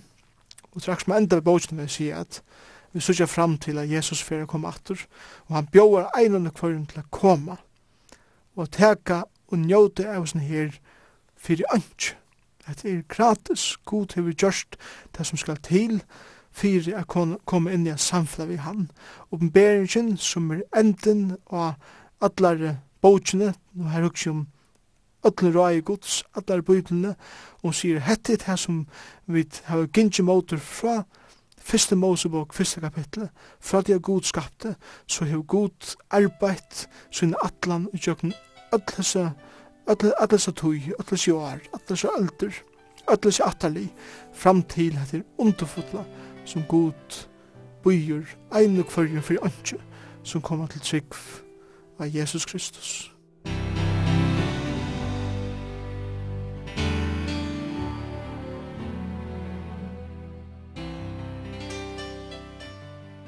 Sendingen av forvittneslig fyrir jøkken bøyblina er jo et enda komin. Og i studionen var Simon Absalonsen, Jekvan Zakariasen og teknikar var Tor Arne Samuelsen. Jeg skal sige fra at hennes sending er at høyre lintene, først mykje kveld klokka 19, og endersendt verður frugjerda 17. part klokkan 15.30.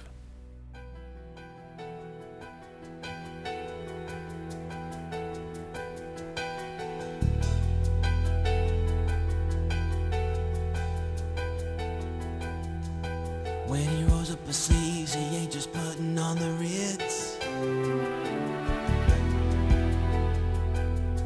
There is thunder in his footsteps and lightning in his fist.